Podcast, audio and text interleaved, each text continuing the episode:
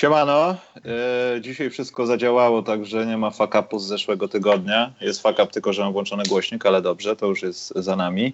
E, tak jak pisałem, będzie z nami gość, jest z nami gość. Udało mi się Sebę Hetmana tutaj ogarnąć do tematu draftu. Cześć, witam. Cześć Seba. Dzisiaj teraz e, ten, przywitam się z tą na dzień dobry, nie z Karolem. Z racji tego, że ostatnio było na odwrót. Co tam Seba powiesz ciekawego? No bardzo dobrze, wszystko. Bardzo, bardzo dobrze? Fajny czas, fajny czas. E, mój czas, że tak powiem, bo, bo po loterii wygląda to bardzo wszystko ciekawie i, i myślę, że przyszły miesiąc będzie, będzie fajny. Dobrze, ja proponuję, że ten temat draftowy przetnie nam niejako segment o playoffach e, i segment o trenerce, bo obiecaliśmy w zeszłym tygodniu, że coś pogadamy, a tam trochę się pozmieniało, ale nie aż tak bardzo. No i klasycznie e, Karol Śliwa jest z nami, z samochodu Dobry tym wieczór. razem. Dobry wieczór. Opowiedz wszystkim, jakie pięknie popierdzieliły ci się godziny, że musisz być w samochodzie, a nie u siebie w pokoju. Nie, to nie aż tak bardzo. Po prostu myślałem, że kończę pół godziny wcześniej, ale nic się nie dzieje, za chwilę będę w domu. Jestem już gotowy. Dobrze, słuchajcie, no to w takim układzie bryknijmy sobie e, na tematy playoffowe. E, ja nie wiem, czy warto jest poruszać temat konferencji wschodniej, bo pierwszy mecz, ten wcześniejszy niedzielny, jakoś tam ogadaliśmy, a w tym drugim nie za wiele się zmieniło. E, było trochę zmian, ale mimo wszystko nie były tak straszne. E, jesteśmy, jesteśmy świadkami sweepu, bólu dupy, gdzie pójdzie LeBron i finalisty nieoczekiwanego, czy to wszystko minie, jak myślicie?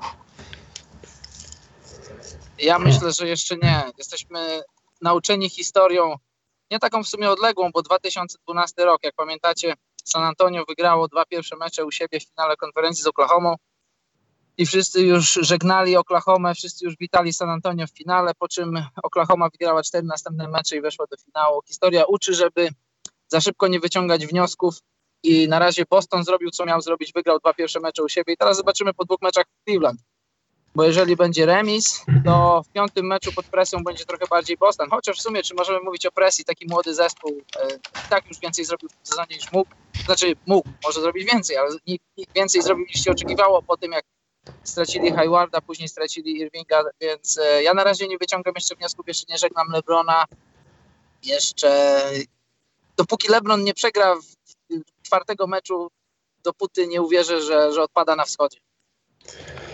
No, no ja tu się dorzucę na pewno do, do Karola, no bo mm, tak jak Karol mówił, Celtics zrobili to, co tak naprawdę mieli zrobić y, u siebie. Y, no fakt faktem, ogólnie ten młody core y, po kontuzjach Haywarda i Irvinga, i na, na pewno zyskał przez to, co w ogóle robią w tych playoffach, tak? Czy Tatum, czy, czy Brown, czy Scary Terry.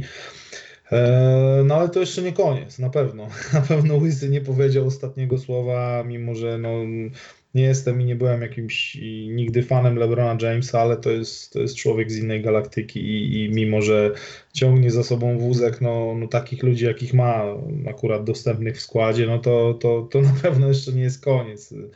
Nie chcę tu porównywać Celtics oczywiście do, do serii z Raptors, no ale no, no chyba wszyscy gdzieś tam jak oglądaliśmy serię, serię z Raptors, no to każdy podejrzewam, że kilkanaście razy do siebie podczas każdego meczu powiedział wow po cichu, patrząc na to, co, co, co, co się działo. No oczywiście Brad Stevens i Celtics to nie, to nie, to nie, Toronto, to, to nie Toronto Raptors, ale tak jak Karol mówi, dopóki, dopóki James nie przegra czwartego, czwartego meczu na, w, tym, w tym finale konferencji, no to, no to Cleveland nadal, nadal są w grze. No i zobaczymy, co się będzie działo tak naprawdę w Cleveland, tak siebie. No. I to, to jeszcze nie jest koniec raczej. Zauważyłem, że mogliśmy mieć mały kłopot z transmisją, bo wyskoczyło mi czerwone pole w OBS-ie. Nie wiem, jak to wpłynęło na jakość. Napiszcie coś na ten temat. Pierwszy raz mi się to zdarzyło, szczerze mówiąc. Ale widzę, że jest ok. Jeśli chodzi o to wszystko, no tutaj możemy rozmawiać o elementach w stylu dlaczego Kemilow nie angażował się w post w drugim meczu, dlaczego starali się za wszelką cenę doganiać tymi głupimi rzutami, żeby momenty takie, że LeBron James stawał jako jedyna osoba na zbiórce oczekując podania, ta szybka trójka, wszystko jedno od kogo, od Smitha czy od Lowa, leciała gdzieś w takim dziwnym kierunku i nagle było widać mowie ciała Lebrona, moje ostatnie ulubione słowo, że on się odwraca i tak, Boże, serio? Ja już nie mogę. I to tak trochę wygląda na WF-ie, kiedy znowu jesteś po raz kolejny sparowany, trochę jak Zion Williams. Y, Spar z, Williamson, sparowany No. z jakimiś dziećmi, y, które wyglądają jakby z plastyki wyszły. No i tak trochę wygląda to Cleveland. Ja nie chcę twierdzić, że to jest wiesz, przypadkowo to- dobrana dru no. drużyna, no ale po raz kolejny LeBron jest w sidłach swojej wielkości chyba, no. Ale ten, ale wiesz co jest najlepsze, że oni, że oni tak naprawdę nie wyglądali trzech ostatnich meczach z Raptors jak jakieś właśnie dobrane dzieci, tylko tam coś się ruszyło. No Kevin Love Mhm. miał mega serię z Toronto. Tak, tylko Sebastian, E, czy daliśmy się no. oszukać? Daliśmy się oszukać, że może Toronto co? ssało do tego No stopnia, że tak, daliśmy no, się zesrali się w gacie, prostu, tak, wiesz. za przeproszeniem. No daliśmy się osz- oszukać po raz kolejny, no, no po raz kolejny Toronto się zesrało w gacie i potoczyło to się jak, e, jak się potoczyło, no ale to, to wiesz, tu nie będzie na pewno żadnego sweepu z Bostonem, tak. Ja myślę, że tam coś się ruszy, no powinno się No ruszyć. nie no, w Cleveland, jeśli Cleveland nie wygra żadnego z tych spotkań u siebie, no to ja nie wyobrażam sobie tego, szczerze mówiąc, ale to może nastąpić. Bo tak my cały czas zauważyłem, że w ogóle wszędzie w tych mediach jest podejmowany temat tej serii przez to, że LeBron James jest sam, a nie mówi się tak za specjalnie dobrze o tym, jak świetni są Boston Celtics, jak świetny jest Stadium, który miał nie być takim zawodnikiem, nagle jest takim zawodnikiem.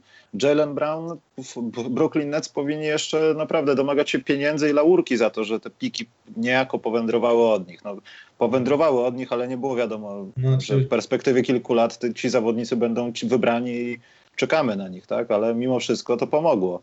Poza tym Scary Terry, no, gość nie ma żadnych zahamowań, jeśli chodzi o wchodzenie pod kosz i w ogóle no, dymaniu ludzi, brzydko mówiąc, na, na obwodzie. I to pokazuje, jak łatwo zastraszyć pozostałych kolegów. Te wszystkie statystyki, że tam LeBron ma miliard 800 punktów, a pozostała część pierwszej piątki ma dwa. Y, To o czym świadczy. No. Trudno się też spodziewać, że cały zespół będzie dawał po 40 punktów w mecz w mecz, no ale jak widzimy tą serię na zachodzie, no trzeba przynajmniej 3-4 osób, żeby punktowały przynajmniej e, w podwójne zdobyczy w jakiś sposób. No nie wiadomo, w przegranych meczach, blowoutach, że mogą sobie porzucać pod koniec meczu, ale w meczach o coś. No i ten drugi mecz miał być taki, no i, no i znowu Boston wrzucił bieg, no i do widzenia. I tak się zastanawiam, no Boston też jest, no, ma słaby start, jeśli chodzi o własną halę, wygrali jeden mecz. Tak naprawdę, no. Z czterech chyba? Y, Na wyjeździe, przepraszam, nie we własnej hali, tylko na wyjeździe. I to też może będzie, zrobi się 2-2, LeBron się rozpędzi, drużyna się rozpędzi, ktoś w siebie uwierzy, J.R. Smith będzie miał kilka świetnych momentów. Jeff Green będzie, w siebie uwierzy. tak, będzie cepił te trujeczki swoje z łokcia i tak to będzie prawdopodobnie wyglądało. Natomiast no, to wygląda źle też przede wszystkim, jeśli chodzi o namawianie Lebrona do czegokolwiek po tym sezonie. Ja bym na jego miejscu no, chyba może pokusił się o przejście do kolejnej ekipy i zdobycie tytułu mistrzowskiego w kolejnej ekipie. Gdzieś Znaczy- jednak. Mm, Czy wiesz co? No, no Karol, mów, mów, bo właśnie jestem No, ciekaw twojej opinii. Nie? No moja opinia jest taka, że ja, dla mnie sprawa jeszcze nie jest przesądzona. To mówiliśmy we wcześniejszym albo dwa podcasty temu. E, było takie pytanie od, od słuchaczy.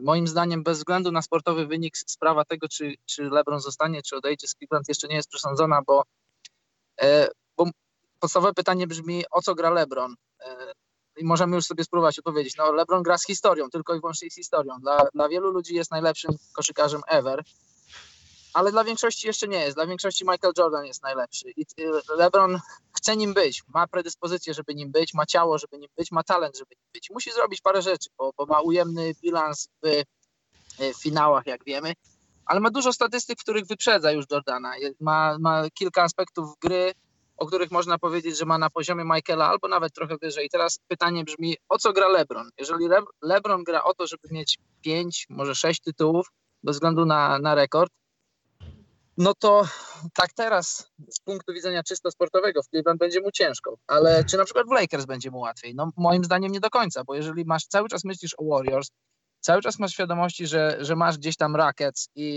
i kto wie kogo jeszcze na horyzoncie, kto jeszcze może się pojawić, to nie wiem czy przejście do Lakers jest, jest, y, jest idealnym rozwiązaniem, bo, bo LeBron może już nie mieć czasu, LeBron ma 33 lata, ile może dać nam dobrej koszykówki? Chociaż nie wiem, bo w przypadku LeBrona Seba powiedział, on jest w innej galaktyce, może on dopiero wchodzi w swój prime. W No 15 wiesz, no, naj, najdziwniejsze jest to, że on z, z, roku na rok jest coraz lepszym graczem tak naprawdę i nie No traci, właśnie. nie traci facet na, na fizyczności. No. Ja bym też, wiesz, ja bym tam patrząc na to, że że wiesz, jakieś gwiazdy mogłyby się dogadać pod, względem, pod względem salary. Ja bym też nie, sk- nie skreślał Houston, w zależności od tego też, jaki zrobią wynik, tym bardziej, że oni gdzieś tam z Chrisem Polem się, się lubią i, i Tak, gdzieś, tak, tam, tak. gdzieś tam się zawsze napędzali, tak? Y, W tych, w tych psychofizycznych jakichś akcjach trenowania y, do upadłego w wakacje. E, No i też, wiesz co, mówię, że sprawa nie jest przesądzona. Oczywiście nie jest, ale myślę, że ten niski pik, który, który na przykład Cavs wyrwali teraz w loterii, czyli dopiero pik ósmy, a, a liczyli że to będzie pik stop 3, stop 5, czyli ten pik od Brooklyn Nets w wymianie, który, który pozyskali w wymianie Kariego Irvinga. I też, też spotkałem się, słuchałem wczoraj fajnego podcastu, w zasadzie dzisiaj rano, e, Adriana Wojnarowskiego z Givonim i z Mike'iem Schmitzem i tam padały takie właśnie mocne stwierdzenia, że LeBron w ogóle nie będzie się angażował w ten draft. No jak się nie będzie angażował, to znaczy, że, że ma wywalone chyba na to, co, co się będzie działo, bo, bo, bo jeżeli, nie wiem, jeżeli tam będzie jakaś nić porozumienia, no to, to pewnie, wiesz, no przyjdą do niego, tak, przyjdą, zapytają się, kogo wybrać, kogo by chciał może, no myślę, że będą to konsultować z nim, jeżeli, jeżeli gdzieś tam będzie jakieś, e, jakieś e, porozumienie, a, ale no, no tak jak mówiłeś, Albo nie handlować tym wyborem. No, albo, albo handlować tym wyborem, albo gdzieś tam iść w górę trochę, tak, żeby gdzieś tam wejść do top 5 i wybrać, wybrać gracza, który będzie mógł, nie wiem, za, za nie wiem, dwa, trzy sezony być jakąś taką realną e, pomocą, ale też nie wiem, czy to już nie będzie za późno, tak, no bo tak jak mówiłeś, no 33 lata, coś by tam Cleveland na pewno jeszcze musiało dołożyć, żeby, żeby na tym wschodzie mimo wszystko battlować się z, z Celtics czy, czy z 76ers, którzy na pewno będą mocniejsi e, w przyszłym sezonie, będą o rok mądrzejsi i, i, i, i tak dalej, więc e, nie wiem, mi się wydaje, że to jest kwestia otwarta, ale ja osobiście gdzieś tam jedną nogą, no raczej go już widzę poza, poza Cleveland, no bez względu na wynik sportowy, no ale zobaczymy, zobaczymy, no to bardziej, nic nie że- wiemy tak naprawdę. No, co się tym dzieje bardziej, tam. że, tym bardziej, że LeBron nie jest głupi i on dobrze analizuje rynek, tak jak w Jasne, że 2014 roku odszedł z Miami. On widział, że, y, że Wade już trochę podupada na zdrowiu. Mhm. Y, No, na pewno nie wiedział o zdrowiu Boscha, no ale zdrowie Boscha się w końcu ostatecznie posypało, a okazało się, że na horyzoncie pojawia się możliwość powrotu do Cleveland, do Cleveland, które się przebudowało, które miało młodego Irvinga, które miało pierwszy numer w drafcie i to było coś takiego, że e, no może złośliwi powiedzą, że przeskoczył z kwiatka na kwiatek, ale inni mogliby powiedzieć, że doskonale przeanalizował rynek i, i znalazł nowe otwarcie dla siebie. I tutaj też może być tak samo, bo jeśli widzisz na horyzoncie, że, ma, że Boston, który jest teraz kontuzjowany, robi takie rzeczy i za, będzie miał dwóch All-Starów potencjalnie w swoim składzie, y, Filadelfia będzie miała pieniądze do wydania, a już jest Tak, dobra. plus, plus pik w top 10, którym też mogą Tak. handlować albo wyrwać takiego gracza, który podpasuje im do systemu, nie? Mm, No to także- może się okazać, no. że to może się okazać, że zawodnicy, których mają teraz Cavs i których będzie, no nie będzie łatwo ich pchnąć w jakichś wymianach, może się okazać, że na przed rozpoczęciem sezonu y, Cleveland są, nie wiem, piątą, szóstą siłą na wschodzie, Tak, a LeBron, no y, z całą swoją fizycznością on naprawdę, naprawdę będzie potrzebował kogoś, kto, kto pomoże mu płynnie przejść przez sezon, żeby mógł świeży być na playoffy, tak jak już tak jak późny Garnett, późny Pierce, późny Ray Allen, oni potrzebowali trochę tej świeżości, potrzebowali tych ludzi, którzy przyciągają, nawet i Michael Jordan, potrzebowali trochę tego, tego tej, całej, tej całej otoczki, tych dodatkowych ludzi, którzy pomagali im trochę odciążyć nogi, żeby przystąpić do playoffów jak, jak najbardziej świeżym, tak tylko się da. No. Ale jak mówię, dla mnie temat jest otwarty, bez, bez względu na wynik, y, bez, Nie, no względu na jasne. wynik finału. Bo Jasne. jeśli zdobędą tytuł, to będzie pokusa, żeby go bronić. Jeśli go nie zdobędą, a się okaże, że jakieś tam y, sportowe y, rzeczy, aspekty takie, które się nadarzą, mogą sprawić też, że, że LeBron będzie chciał zostać. Z kolei, tak jak powiedziałeś o kierunku Houston, to jest bardzo atrakcyjny kierunek, bo to jest Teksas, tam nie ma podatku stanowego, więc ewentualnie No i zebrać jedną sam czy dwie gwiazdy Paul jeszcze tam. no, i jakoś tam ich namówić, żeby wzięły Tylko wiesz, wiesz co na jest, ten- tylko wiesz co wtedy robisz. Grasz, grasz tak napar, naprawdę swój wewnętrzny finał już w finale konferencji, no. Z Warriors. Tak naprawdę. No, można nie tak ma, powiedzieć, jasne, no, jasne. Wiesz co chodzi, no. Także on już, on już się wtedy by zderzał z tymi odwiecznymi Warriors, no tak naprawdę rundę rundę wcześniej, no ale wtedy droga, no też, no nie tyle co będzie łatwiejsza, no bo na pewno, no Celtics będą mocniej, mocniejsi, Sixers będą mocniejsi, No ale no ciekawe, to na pewno będzie no, jedne z ważniejszych chyba story tego lata, no jakby nie patrzeć chyba dla, dla wszystkich sympatyków NBA, no bo, no bo to, no to, to będzie kolejna decyzja, tak? I zobaczymy. I podejrzewam, że nic z niej nie będzie i do skończy się... Bulls, do Bulls Lebrona. Tak, do Bulls. Bulls John tak. Paxson pokaże jajca w końcu, dawać go tam, kurde. Myślę, A prawda jest tam- taka, a prawda jest taka, że, że LeBron może narzekać na swój skład i na swoją sytuację w Cleveland, ale on sam jest sobie winny takiej sytuacji, bo jeżeli nie podpisuje trzyletniego czy czteroletniego kontraktu, za każdym razem podpisuje jeden plus jeden, więc, y, więc klub nie ma żadnej płynności, nie ma, nie ma jakiejś takiej, takiej długofalowej wizji, bo oni, oni wiedzą, że oni muszą mieć skład na, na teraz. Skład, który jest zbudowany po to, żeby zdobyć mistrzostwo, żeby pomóc LeBronowi zdobyć tytuł. Wiesz, to też zniechęca I- ludzi innych, nie? Jasne, oczywiście, bo, bo w Bo zasadzie, są no, w zasadzie się okazuje, że, no, że masz jakiegoś zawodnika, którego, który jest, że tak powiem, wynajęty na kilka miesięcy, żeby pomóc LeBronowi. A wiecie, z LeBronem jest, jedni z nimi uwielbiają grać, jedni z nimi nienawidzą grać. Najlepszym przykładem jest Kyrie Irving. No, no jasne, oczywiście, tak, dokładnie, tak jak z Chrisem Polem. I, i, i- wiecie, możemy, no, na pewno najwie, najwięksi fani LeBrona żałują go, że ma taką sytuację, że gra z, z dziadami, za przeproszeniem, no ale no, ta, król ma takich dworzan, jakich sobie wybrał. I, no, pamiętacie, że grał 4 lata w Miami i w Miami nie było żadnych problemów, że przy trade deadline mamy jakieś dramaty, bo tam wszystkich za mordę trzymał Pat Riley i, i, i tam był spokój, bo, bo tam LeBron miał grać. A tutaj robi wszystko. Dobrze, opuśćmy LeBrona Jamesa, udajmy się tam, gdzie koszykówka naprawdę z, y, nawet Istnieje. kiedy, może nie istnieje, ale nawet kiedy mecze są przegrane, to nie kole w oczy i nie odstręcza od tego, żeby po prostu pójść do łóżka, czyli Golden State Houston. Mamy 1-1. Po pierwszym spotkaniu, które, Boże, showcase Jamesa Hardena, tylko, że tylko i wyłącznie jego showcase, no i troszeczkę showcase Chrisa Pola. Ja już niejednokrotnie mówiłem na temat tego pierwszego spotkania, że to wyglądało tak jak e, opisywać, nie wiem, skrótowo James Harden, kozioł, kozioł, kozioł, kozioł, James Harden rzuca, albo James Harden, kozioł, kozioł, kozioł. Nie mogę rzucić, to podam do Clint'a Capelli, który gdzieś tam z lobika coś przyjmie. I wiadomo, no, jakieś małe punkty reszty, które były kompletnie nieistotne i pierwszy mecz wygrany dzięki ruchowi piłki Golden State i dzięki temu, że nie musieli kozłować, wystarczyło kilka razy sobie podać na czystą pozycję i trafiamy. Kevin Durant grał mini minuty na dwójce. Tak, mini minuty na Z, z dwójce. zasięgiem milion stóp. Dokładnie, grając, nie wyglądając Straszne kompletnie jest, na gościa, który, który się przemęcza w grze, a sobie rzucił na jest 60% i miał to w dupie. To jest Ale- straszna rzecz, naprawdę. Ale w drugim meczu podziały się rzeczy. Szczerze mówiąc, nie sądziłem, że Houston. E, nie wątpiłem w D'Antoniego, ale nie sądziłem, że Houston tak szybko zareaguje na tą całą sytuację. I tak szybko, z, praktycznie z dnia na dzień pojawią się zawodnicy. Eric Gordon, o mój Boże, ten mecz. PJ O Tucker mój miał Boże. naprawdę kozacki mecz. No, PJ Tucker w ogóle mega kozacki mecz. PJ Tucker dał radę, także... Mało tego. PJ Tucker pokazywał się w obronie i było, nie wiem, może dwa, trzy posiadania, gdzie naprawdę utrudnił sprawę Draymondowi Greenowi. Mu się trzeba Może- mu postawić, trzeba mu się postawić, bo kurde, kochałem Draymonda Greena od, od czasów Michigan State, naprawdę. Gdzieś tam go przewidziałem, pochwalę się, ale, ale to, co robi ostatnio ten facet, to jest, no zaczynam go coraz mniej lubić, a szkoda, bo, bo byłem wręcz w nim zakochany koszykarsko kiedyś, no.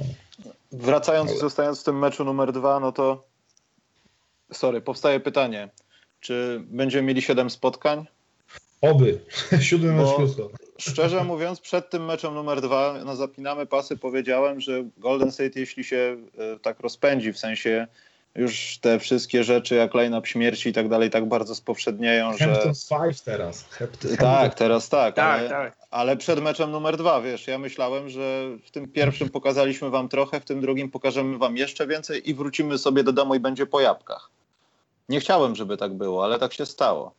E, Nie Arszawin, Przemek nie jest w Błękitnej Ostrydze, jest w Gejzerze teraz.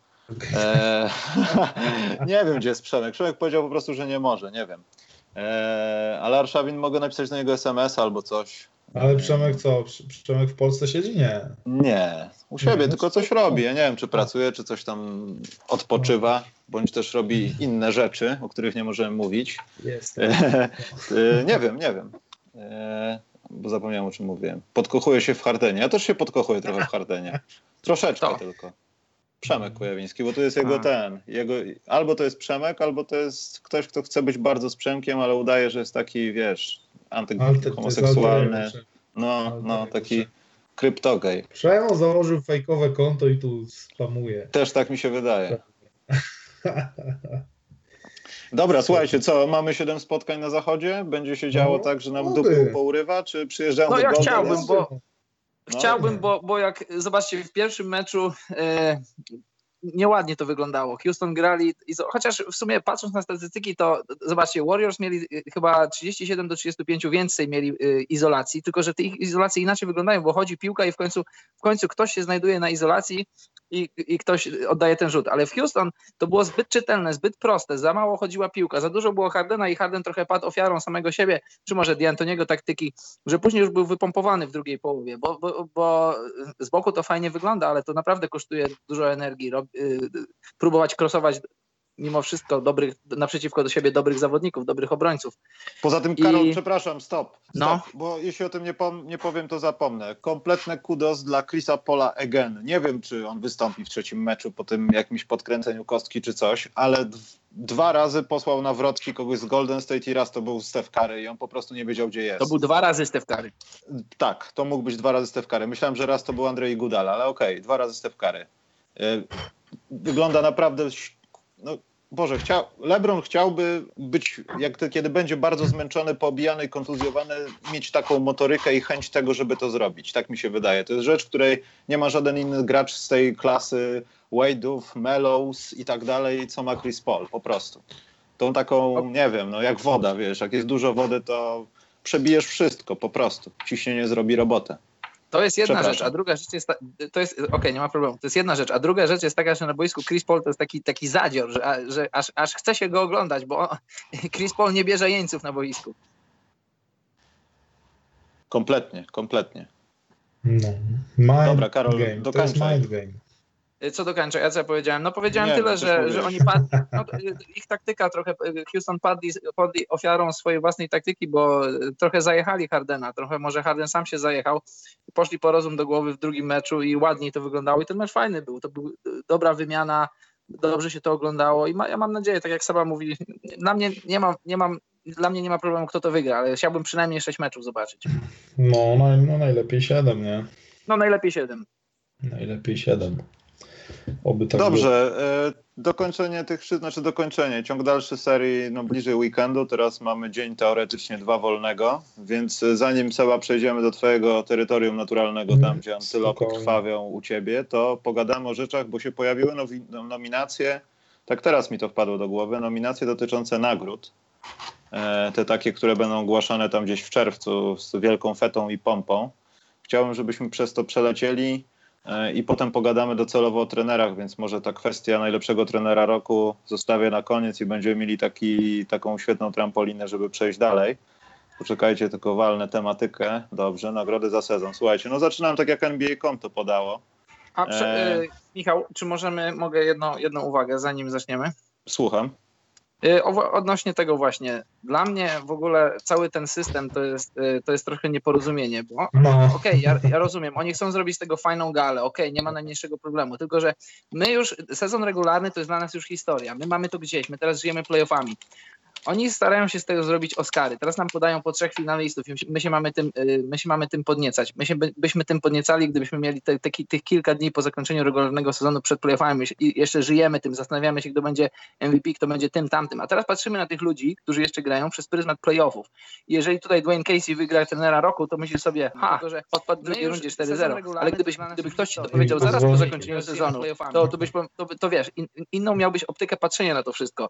I tak jak bardzo szanuję i cenię Adama Silvera, jego, jego otwartość, jego otwarty umysł, jego spostrzeżenia, tak uważam, mam nadzieję, że ktoś mu powie, że to musi być inaczej zorganizowane, że, przede wszystkim dla kibiców, bo po prostu to, to, to cała ta impreza już taka chłodna się trochę robi, bo, bo tak jak mówię, teraz, teraz poznajemy tych trzech finalistów, no ale okej, mamy to gdzieś, no, mamy to gdzieś nie aż tak bardzo, bo, bo w zasadzie no, no, interesujemy się tym, chcemy to wiedzieć, ale my teraz żyjemy playoffami, ty- to w zasadzie nic nam nie mówi i kiedy będzie ta gala? 26 chyba.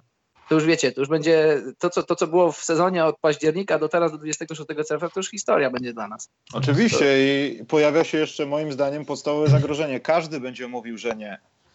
ale jeśli spośród tych nominowanych y, jest osoba, która gra dalej w playoffach, to w mentalności głosujących, o ile głosowanie nie nastąpiło wcześniej, jest trzymane już od miesiąca w tajemnicy, tak jak kiedyś, tylko tak, tak, ogłoszenie jest później. Wcześniej. To na pewno, tak, to na pewno nastąpiło e, To ta mentalność mogła przejść trochę z playoffów, no ale jeśli nastąpiło wcześniej, to nie mam o czym mówić. Dobra, e, słuchajcie, nominowanie do MVP. Anthony Davis, James Harden, LeBron James.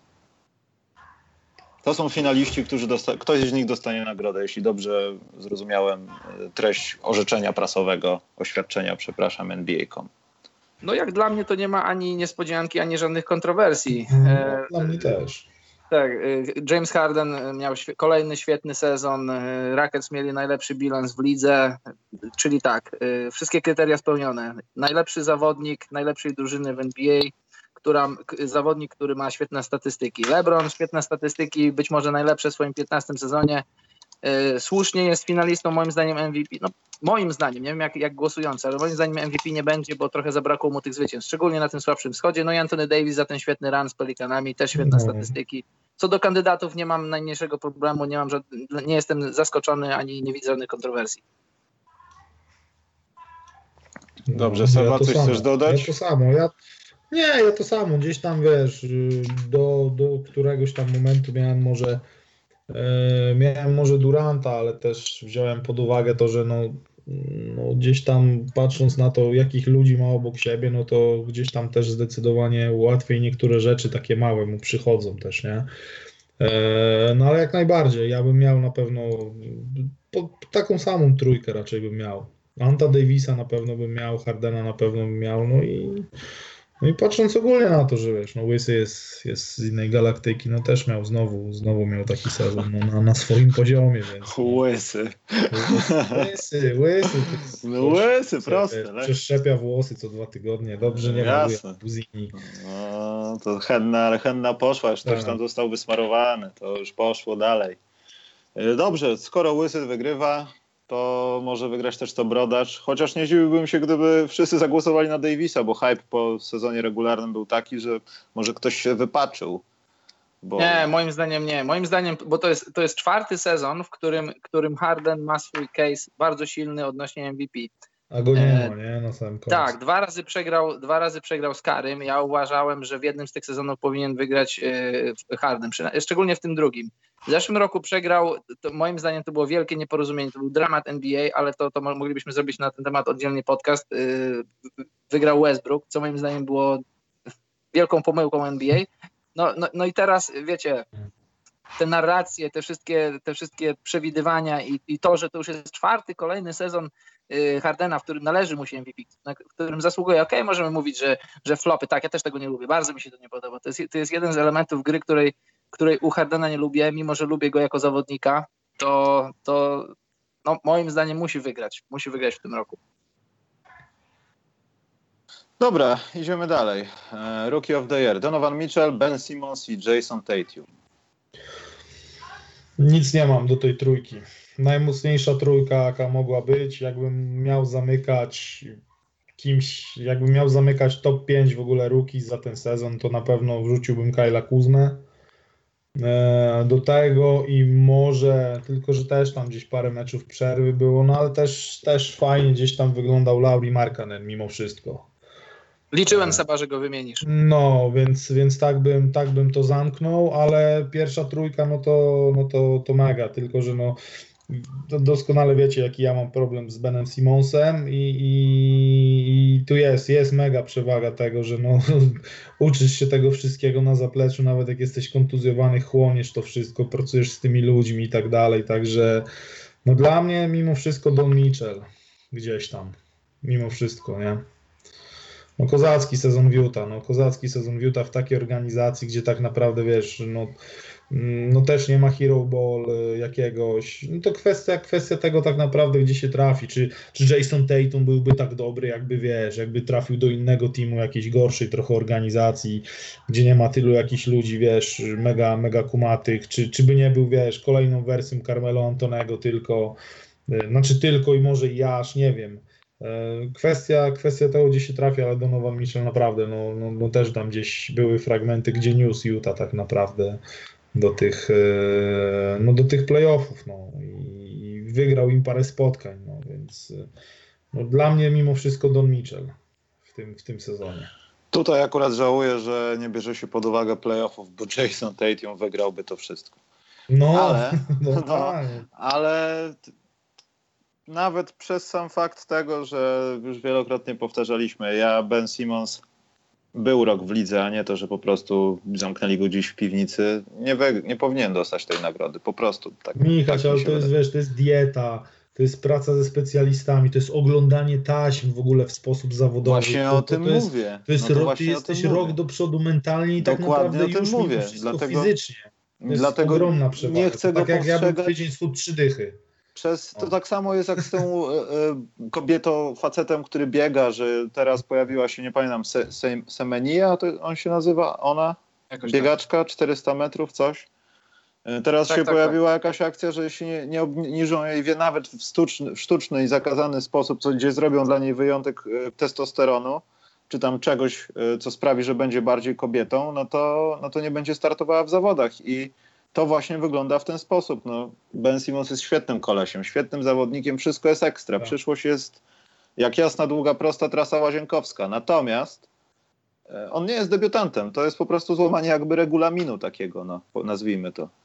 I No to wiesz, kobieta to tak nie samo, może co grać było z facetami. Griffinem, tak? Tak. To było to samo, co było z Blake'em Griffinem, no, który gdzieś tam e, okradł, okradł trochę kolejną klasę, no bo, no bo też no, no, no, rehabilitował się, no fakt faktem. No ale no, no to kurczę, no to jest przeskok, tak? No to i tak w NCAA pracujesz gdzieś tam już ze sztabem ludzi, to nie jest high school, to już nie są też przelewki, bo masz tam ludzi do, do dyspozycji, ale tu nagle wpadasz na, na, na, na, na poziom no już taki no naprawdę no, światowy, no i pracujesz już jako zawodowiec, no więc mówię, Donovan Mitchell, Donovan Mitchell w tym sezonie spoko. Jak dostanie nagrodę Ben Simmons, to nie oglądam już NBA więcej. Nie będę nic oglądał. Będę tylko pił nalewki jakieś za 6 zł tanie z worka. Patologia już taka ostatnia, wiesz, że jeża się No, robi. z Lonzo Ball. Kubuś Puchatek napisał Lonzo Ball, no Lonzo Ball, no Lonzo Ball, spoko, też Lonzo Ball. E, na Litwie. Dobra, Na jedźmy Litwie. dalej. Ja chciałbym, żeby Donovan Mitchell e, wygrał tą nagrodę. Mam nadzieję, że tak się stanie, chociaż Ben Simmons pewnie, żeby liga była międzynarodowa już wygrał. E, Widzę niezłe Ja jaja w... No. No jedno zdanie tylko. Ja się z wami zgadzam, przyjmuję te argumenty, że, że, że Ben Simmons miał jeden rok przewagi i to jak Seba zwrócił uwagę. Samo oglądanie filmów to jest taka rzecz, bo to jest, to, wiecie, możemy sobie obejrzeć mecz, wyciąć klipy, ale to jest profesjonalne oglądanie filmów, No. profesjonalne wycinanie klipów. To jest, to jest kolosalna różnica. Bycie w tych wszystkich halach, w tych wszystkich 30 halach, e, 29. e, Odżywki, trening. Przecież pamiętacie, mówiło się o tym, że Ben złamał kość w stopie przez to, że on chyba 8 czy 9 kilo przybrał po drafcie przez wakacje. Przed, Tak, przed przeładował, no. No, przeładował troszkę, ale y, mówią, powiedziawszy to wszystko, dla mnie okej, dla mnie on jest, on jest cały czas debiutantem, pełnoprawnym debiutantem, bo wyobraźcie sobie, gdyby nas wzięli do NBA, mielibyśmy ten rok, oglądalibyśmy te filmy, trenowalibyśmy wszystko, ale mimo wszystko na koniec musisz wyjść na boisko i zacząć grać, a tak jak on grał, to mało, mało kiedy zdarza się taki zawodnik, który w swoim pierwszym roku, okej, drugim, ale pierwszym na parkiecie zdarza się, że dla niego gra jest tak, tak czytelna, tak wolna, mimo że nie ma rzutu, podejmuje świetne decyzje, dużo widzi na boisku i naprawdę o tym, że to była świetna klasa, o tym, że to, było, to byli świetni debiutanci, niech świadczy fakt, że zazwyczaj mówi się o suchych liczbach, że zawodnicy robią to czy tam, to mówimy o ich Mhm. skillsecie, a tutaj Tutaj to są zawodnicy, którzy doprowadzili swoje drużyny do playoffów i, i mało tego, przeszli pierwszą rundę i byli wyróżniającymi się postaciami. Ja, dla mnie naprawdę, jeśli wygra Mitchell, nie, ma, nie będzie dla mnie problemu, będzie mi szkoda Bena Simonsa. Jeśli wygra Ben Simons, nie mam problemu, będzie mi szkoda Mitchella. Ale moim zdaniem powinno wygrać dwóch, bo oni naprawdę Okej, teraz mamy Tatuma, bo gra świetnie w playoffach, ale tak jak mówię, tak jakbyśmy rozmawiali o tych nagrodach zaraz po zakończeniu sezonu, to mamy tak, mamy, mamy Simonsa i Tatuma, potem delikatna przerwa i mamy Markanena, Tatuma i Kuzmę i kogo tam jeszcze chcecie. Więc moim zdaniem sprawiedliwie by byłoby pierwszy raz od, 2000, od roku 2000, czyli od 18 lat, kiedy wygrali Elton Brand i Steve Francis, wygrać dwóch. I moim zdaniem nikt by się nie obraził, wszyscy byliby zadowoleni, bo ci goście naprawdę się wyróżniali i naprawdę byli, byli świetni. Świetnie przeszli przez ten sezon. To były Mhm. dwie fajne historie tego sezonu. Zawodnicy, którzy z miejsca zmienili swoje drużyny, doprowadzili je do playoffów. I ja wybieram dwóch. Wiem, że to takie jest może trochę nie do końca fair, może, że jeśli musiałbym się z jakimś opowiedzieć, to byłoby mi ciężko, ale gdybym musiał, to zrobił, ja wybieram dwóch. To nieładnie.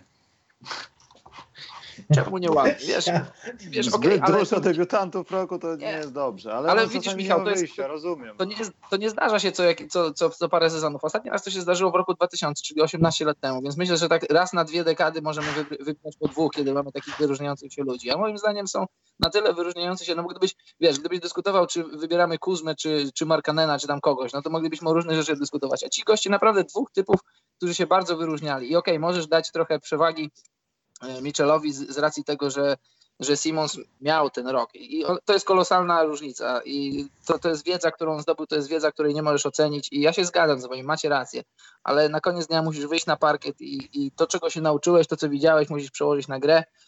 I on to zrobił i moim zdaniem jest pełnoprawnym debiutantem i, pe, i pełnoprawnym kandydatem, żeby zdobyć tę nagrodę. Czy zdobędzie, to nie wiem, ale, ale no, tak jak powiedziałem, moim zdaniem dwóch zasłużyło na nią bardziej niż, niż inni. Dobrze, teraz y, kategoria, w której nominacja może jednej osoby, jednego gracza może trochę zaskakiwać, ale też nie do końca, jeśli popatrzysz na sezon Kanadyjczyków. Eric Gordon, Fred Van Vliet, kolega naszego Antonego Bina z PLK i Lou Williams. I mam rozterkę, no Lou Williams albo Eric Gordon, bo no, Fredowi raczej bym nie dał. To samo. Szczególnie, że Lou, Williams miał kozacki tam styczeń, rzucał po 35 punktów, po 36 punktów. Tylko po co? Dla, Eric Gordon robił to po coś, po więc, po no właśnie, więc Eric Gordon chyba wygrał tą statuetkę w tym Także... momencie. Właśnie teraz dostała dostarczona do jego rąk. Williams chyba, no tak mi się wydaje. Ja tak tu w sumie półskupiony jestem, bo tak z innej beczki patrzę na komentarze Szawina i jest miazga straszna. A, Nie, myślałem, że na kombajna patrzysz, bo tam coś się dzieje. Amaciego, jest koniec. No, ale, ale no, Gordon albo Lou Williams, no. Dla mnie Lou Williams. Ja na Lou Williams stawiam. A nie zawodnik z twojej drużyny, Karol? Fred Van Vliet? Nie, nie, no. nie, nie, nie. Wiesz to? E, ja w zeszłym roku, jak byłem pierwszy, jak pierwszy raz go widziałem, to, to naprawdę e, bardzo, bardzo złe wrażenie na mnie zrobił. I ja się w ogóle zastanawiałem, jak taki człowiek, bo on jest niższy ode mnie, a to się rzadko zdarza, że zawodnicy NBA są ode mnie niżsi. I, i wiesz, y, przychodziłem na te mecze po kilka godzin wcześniej, no bo wiesz, jak jestem nieregularnie na meczach NBA, to starałem się chłonąć tak dużo, jak tylko się dało. No i przychodziłem kilka godzin przed meczami, obserwowałem, jak się rozgrzewają, jak trenują. To Fred Van Vliet robił rzeczy, które mógłbym ja wyjść i, i zrobić podobnie albo nawet lepiej. Okej, okay, przesadzam, nie, nie, nie, nie niszczcie mnie w internecie, y, wiecie. Y, kozioł, kozioł, rzut, kozioł, kozioł, rzut, jakiś tam spin. I, i on większość rzutów pudłował, on nie zrobił na mnie żadnego wrażenia i zrobił na mnie raczej negatywne wrażenie. I teraz, jaki on ma sezon, to ja przecieram oczy i zastanawiam, co Fred zrobił w, w ciągu lata, że tak się poprawił. Naprawdę wiele wnosił do drużyny, jest wartościowym punktem, był wartościowym punktem y, w Raptors, ale moim zdaniem e, tam ławka była szeroka, on był częścią tej rotacji i, i też nie, nie, był kimś takim, kto, kto, kto z miejsca takim był energizerem, takim króliczkiem, który, który daje energię, tak jak Lou Williams, tak jak na przykład Gordon, więc moim zdaniem jest z tej trójki, to mam go, mam go akurat na trzecim miejscu. A, no, mam Lou Williamsa na pierwszym. No też bym, też bym chyba jednak w Lou Williamsa poszedł. Dobrze. gdzieś tam. Bo jeszcze na, to, co, to, co no. Seba powiedział, on miał, on miał szalone, szalone miesiące, szalone tygodnie, ale tak na przestrzeni, no. na przestrzeni całego sezonu on, on miał 22,6 punktu na mecz. On był w top chyba 15 najlepszych strzelców i on miał i Clippersi, Clippersi, którzy oddali Blake'a Griffina, którzy byli w takiej, takiej, w takiej transition trochę, byli o jedną wygraną czy dwie od playoffów i, i, i gdyby weszli do playoffów, to, to nie wiem, 80% sukcesu to jest, to jest sukces na, na barkach Lou Williamsa, który w wielu meczach, wiele meczów dla nich wygrał, a w wielu meczach ich ciągnął i trzymał w grze. Patrzę teraz statystyki, 17 razy osiągał 30 punktów, w tym 4 razy 40 punktów, tym raz przekroczył 5 dych. To jest skarb dla każdego trenera, to jest gość, który wchodzi z ławki i może być pewny, swoje. że on, on, już jest tak, tak on, on, już robi swoje, jest już rozgrzany i kosz jest dla niego jak ocean w większości meczów. Mhm. Dobra, e, słuchajcie, poczekajcie, odpiszę. A ty Michał kogo masz? A ja nie powiedziałem? No mówisz Gordona, nie? Chyba. Aha, No mówiłem Gordona, ale ze względu Okej. na to, że wsparł drużynę, która jest jedynką po sezonie regularnym, ale Williams robił po prostu bez sensu rzeczy, patrząc z punktu widzenia sukcesów. No. Świetne były to mecze, świetne serie, można byłoby się pojarać, jak było tam 12 spotkań w piąteczek i to się działo, ale No. no, nie przyniosło nic na drugi koniec tańczy, także Ale było blisko. Też nie przyniosło, bo nie przyniosło, bo nie mogło przynieść, bo to, bo to był raz, że było bardzo dużo kontuzji. E, Oni chyba, oni chyba już po trzech czy po czterech meczach już tak, stracili Beverleya, stracili Teodosicza, później stracili Blake'a Griffina i Blake'a Griffina tracili dwa razy i mimo tylu, a jeszcze Galinari, mimo tylu kontuzji oni cały czas, cały czas byli w grze. W lutym, w marcu chyba już mocno wygrzebali się ponad kreskę, e, w styczniu albo w lutym chyba, ale później no znowu kontuzje, później sprzedali Blake'a Griffina i, i, i robili to, co mogli, T- tak mi się wydaje, bo w sumie zabrakło im jednej, jednej lub dwóch wygranych, żeby wejść do playoffów I, i, i taki, taki sezon po przejściach, raz że, raz, że kontuzja, dwa że, dwa, że ruchy kadrowe, to mogło wyglądać płynnie, od pozbycie się w sumie teoretycznie najlepszego zawodnika od, od ostatnich paru lat. dobrze, jedziemy dalej. Eee, najlepszy obrońca roku Antony Davis, Joel Embiid, Rudy Gobert. Nie ma Ala Horforda w trójce? No, Nie ma. Kpina. dziwne, nie? No, Z tego nie co. Nie, no to są trzech, to są finaliści. No, dla sześciu nagród. Tak. Embiid, Joel Embiid? Dajcie spokój. Ja bym dawał, daję Joel Ala? Horforda. Nie, jest oficjalna grafika NBA, to jest na pewno. Nie, spoko, ale, ale co robi Joe, Joe Embiid w trójce No najlepszych właśnie. defensorów? Dziś dla mnie trochę nad wyraz, ale pfa. no, no to już No. prędzej Al Horford niż Joel Embiid. No. Zdecydowanie. No, No. No Naprawdę nie ma jednego z tak- faworytów w trójce. No, więc, Z takiej no, trójki to- ja daję Go- Goberta, z, takiej, z tej No trójki, też, która ja też Gdyby był Al, to daję tak, Ala, z tego daję Goberta. no. Ja rozumiem, chłopaki, ja rozumiem, bo to jest Kia NBA Defensive Player of the Year. A Horford jest w sekcji Audi na przykład. Że to jest, wiesz, w wagu, tak. Tak Horford jest w wagu i wygrał. W, nas, w naszych serduszkach wygrał. Nie no, Antony Davis chyba. Tak może go nagrodził za coś, skoro go już wydymaliśmy z MVP. Nie, no to może być twój typ. Ja mam, ja mam Goberta, bo Ale jestem, Ale tak, widzisz, ale jestem to jest to, co, mocno. to jest to, no. co Karol mówił, bo ja na przykład, wiesz, jak powiedziałem Gobert, to już mi się skojarzyła seria z Rackets, gdzie on totalnie ssał. jako w drugiej linii, tak? Haha, no. I- no bo teraz patrzymy na nich przez tak, pryzmat No właśnie, to jest to, właśnie, co Karol mówił właśnie o tych nagrodach, no, że sobie pierwsze co Gobert mówię, ty, ale przecież on w Houston, tam Chris Paul rzucał z tego tam No, no, trzeciego no, tak. metra te jumpery, on w ogóle rąk czasami nie podnosił, miał jakiś taki spóźniony timing momentami, jak nie on, nie? Ale, w- no ale nie wiem, no może, może za, za, za cały regular, no to, no to Gobert, ale kompletnie, kompletnie nie rozumiem Embida w tym zestawieniu, nie? Także Ja prze, przedziwna opcja. Al Horford został skrzywdzony delikatnie. Bardzo. Nie no, aż to, chłopaki, aż nawet patrzę, ale spokojnie w tym To, sezonie, jest, to, to, to nie jest żaden fake, no tak jest, niestety. No, myślałem, że to jest jakiś. Nie, no nawet na grafice jest Embiid wpisane, także. Co Dobrze. za dziady z NBA. Dziadygi. To wszystko jest intryga już wiadomo jakich kół. Ja wiem, ale Są Ja za Silvera, określone koła. Tak, rozmawialiśmy o tym w jednym z podcastów, jakie to są koła i jakie gadżety tego koła można kupić w NBA Store. Tylko to powiem. E, Hasło mytka. E, Dobrze, więc. Hasło łyska. Karta dobra, Przemka nie. Kujawińskiego. Co jest? Karta Przemka Kujawińskiego. Kurde, Też dzisiaj jest rozumiem za, za. A, oto, a, okej, bo myślałem, że ktoś na czacie już coś wymyślił, jest jakaś grafika, karty do Dungeon and, Dungeons and Dragons No z Przemkiem. coś rzucić, jakiś tam w pęcie coś zrobić. e, dobra, zawodnik, który poczynił największe postępy.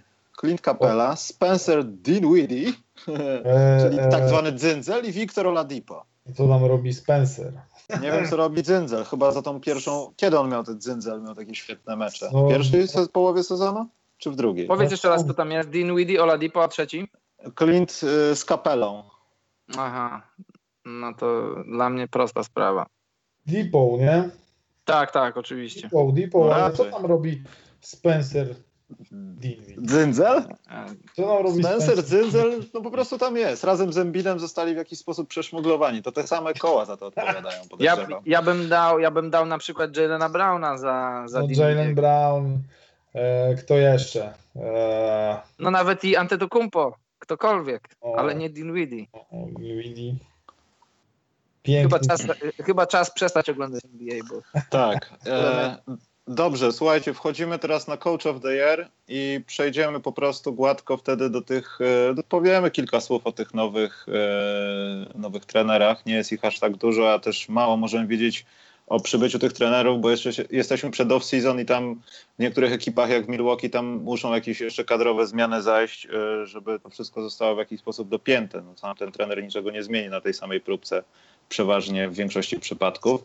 Więc trzema kandydatami do nagrody trenera roku zostali przez określone koła powołani Dwayne Casey, Quinn Snyder i Brad Stevens. No tutaj się wykazali akurat. No, no tak. Myślałem, że nie ma tego. Myślałem, że nie ma trudny. Snydera. No. Myślałem, że nie będzie Snydera, no to to już by był szok, nie? Chyba No. Brad Stevens jednak wygrał. No ale widzisz, patrzymy przez playoffy teraz, nie? Ale patrzymy Tak, też przez właśnie. sezon, wiesz. O, E, Bez Haywarda musisz posklejać no, drużynę. Stewarta, ale no, Snyder Masz też jakiś tam, Ale nie? masz rookiesów w składzie, których musisz No. jakoś motywować, a nie jesteś tak wiele starszy od nich, wiesz. To jest też kłopot z charyzmą u takich ludzi Nie no, może ma występować. mind game straszny w ogóle tam jakichś też, wiesz, ludzi sobie podobierał też fajnych, no Psychopata. gdzieś tam, gdzieś tam, gdzieś tam, gdzieś tam Stevens, ale to też tak, wiesz, no Casey, kurde, no Casey zrobił najlepszy sezon w historii Toronto i został No właśnie. to, to w ogóle będzie, to w ogóle będzie masakra, jak on wygra Coach of the Year i, i A Casey Przyjdzie wygrał- po nagrodę jako bezrobotny. z- Ej, ale przecież Casey wygrał tak. nagrodę trenera roku według trenerów. Według trenerów, no, także No i to się chyba czasami pokrywa, nie? Także jak coś, to jest Dirk Nowicki style. Przyjdzie w klapkach. Masakra. Tak, Pośredniaka tutaj roboty szukałem gdzieś w Walmarcie, wiesz, gdzieś tam. E, Dobrze, panie i panowie, e, przechodzimy teraz e, tym płynnym ruchem. Może zaczniemy od, może nie od Toronto, bo Toronto to gówno ma i gówno widzi na razie, jeśli, jeśli No chodzi o trenera. David Blatt, celownik. No, ale on jest na celowniku tak jak z Baden-Holzerem. Nowy Jork wszyscy byli na celowniku, a skończyło jak się skończyło.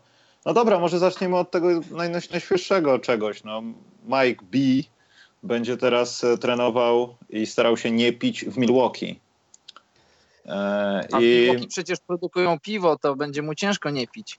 tak, bardzo. Natomiast nie, poważnie, czy my jesteśmy, bo to co, no, opinia tego, że gość jest y, jednym z najlepiej rozkminiających taktycznie grę w NBA, to prawda, tylko co z tego, kiedy możesz nie mieć zasobów ludzkich i tak jak powiedziałem wcześniej, Milwaukee muszą zajść zmiany kadrowe, żeby, żeby Mike Badenholzer y, w jakiś sposób zrealizował, no nie wiem, oczekiwania, bo no, z tym składem może tego po prostu nie zrobić. No, liczenie na rozwój tam Brogdona, Makera, Makera, przepraszam, i Antka to jedno, ale tam muszą zajść jakieś zmiany, bo bez zmian ten skład no, nie zrobi chyba dużo większej roboty samym coachingiem. W playoffach może jeden, dwa mecze więcej wygrają, ale to, to wszystko.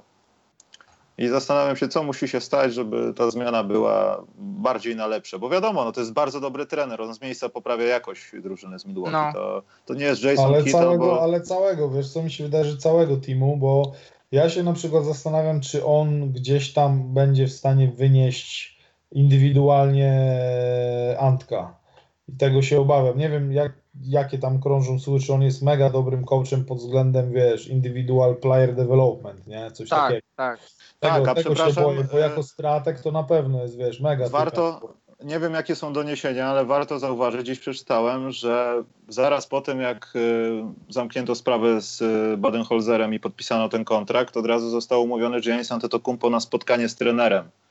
I czy może to być tak, że Antek po prostu stwierdził, że no management z nim rozmawiał i stwierdził, z tych nazwisk najbardziej chciałbym pracować z tym panem. Nie znam go, ale mimo wszystko wygląda mi najlepiej, bo to wygląda trochę jakby starano się udobruchać Antetokounmpo, że słuchaj, tam nie wyszło parę rzeczy, nie? Ale wiesz, Jason Kidd to nie jest koniec świata, stary.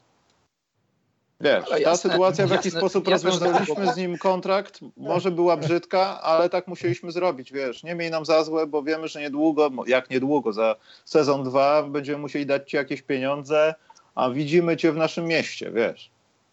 No jasne, mogło tak być, oczywiście. A to nie było tak, że on najpierw tam jadł z nim śniadanie? Tak, oni się spotkali na śniadaniu i pili Tak. smoothie podobno. Sources Tak. mówią, że pili No, smoothie jagodowe.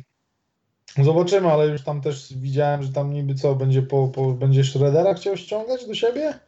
To jest, to Schroeder jest powiedział, że jest mega fejkowy. niezadowolony z kierunku Atlanty. Przynajmniej tak coś tam mówił w No, zeszłym tygodniu. no, a wiem, że tam oni, im, im tam było razem po drodze, no ale co, Derwina Hama już ściągnął też, wiem, z Hawks na asystenta, nie? Mhm. No, Mike Budweiser. Budweiser.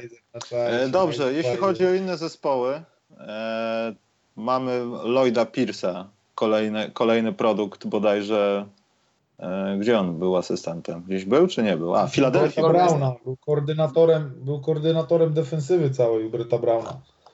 Tak. Więc e, jest w Atlancie. Naoglądał się procesu.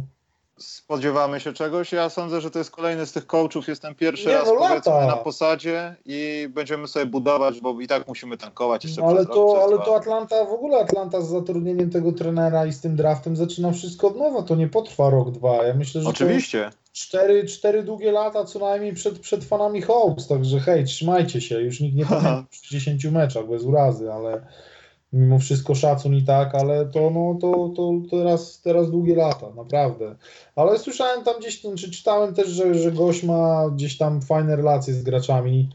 Eee, gdzieś tam w kuluarach gracze go za to cenią, że jest takim bardziej players coach, no, a że ma jeszcze wiesz, jakiś tam fajny umysł do defensywy, no to, tylko może gdzieś tam gdzieś tam na tym zyskać. Zobaczymy, co w ogóle Hawks zrobią teraz, w czerwcu, tak, bo oni mają cztery piki w pierwszej rundzie, nie, czy, czy, czy będą, wiesz, kogo będą chcieli wyrwać, jak będą chcieli rozwinąć obecnych graczy, którzy ma, których mają w składzie, nie wiadomo co z Johnem Collinsem, na jakiej on pozycji będzie mógł grać yy, i tak dalej, także no, no co, no dobrze, że tam ktoś, wiesz, ktoś świeży dostał też jakąś, jakąś szansę, mimo że taki Mark Jackson dalej gdzieś tam mecze komentuje, sfrustrowany.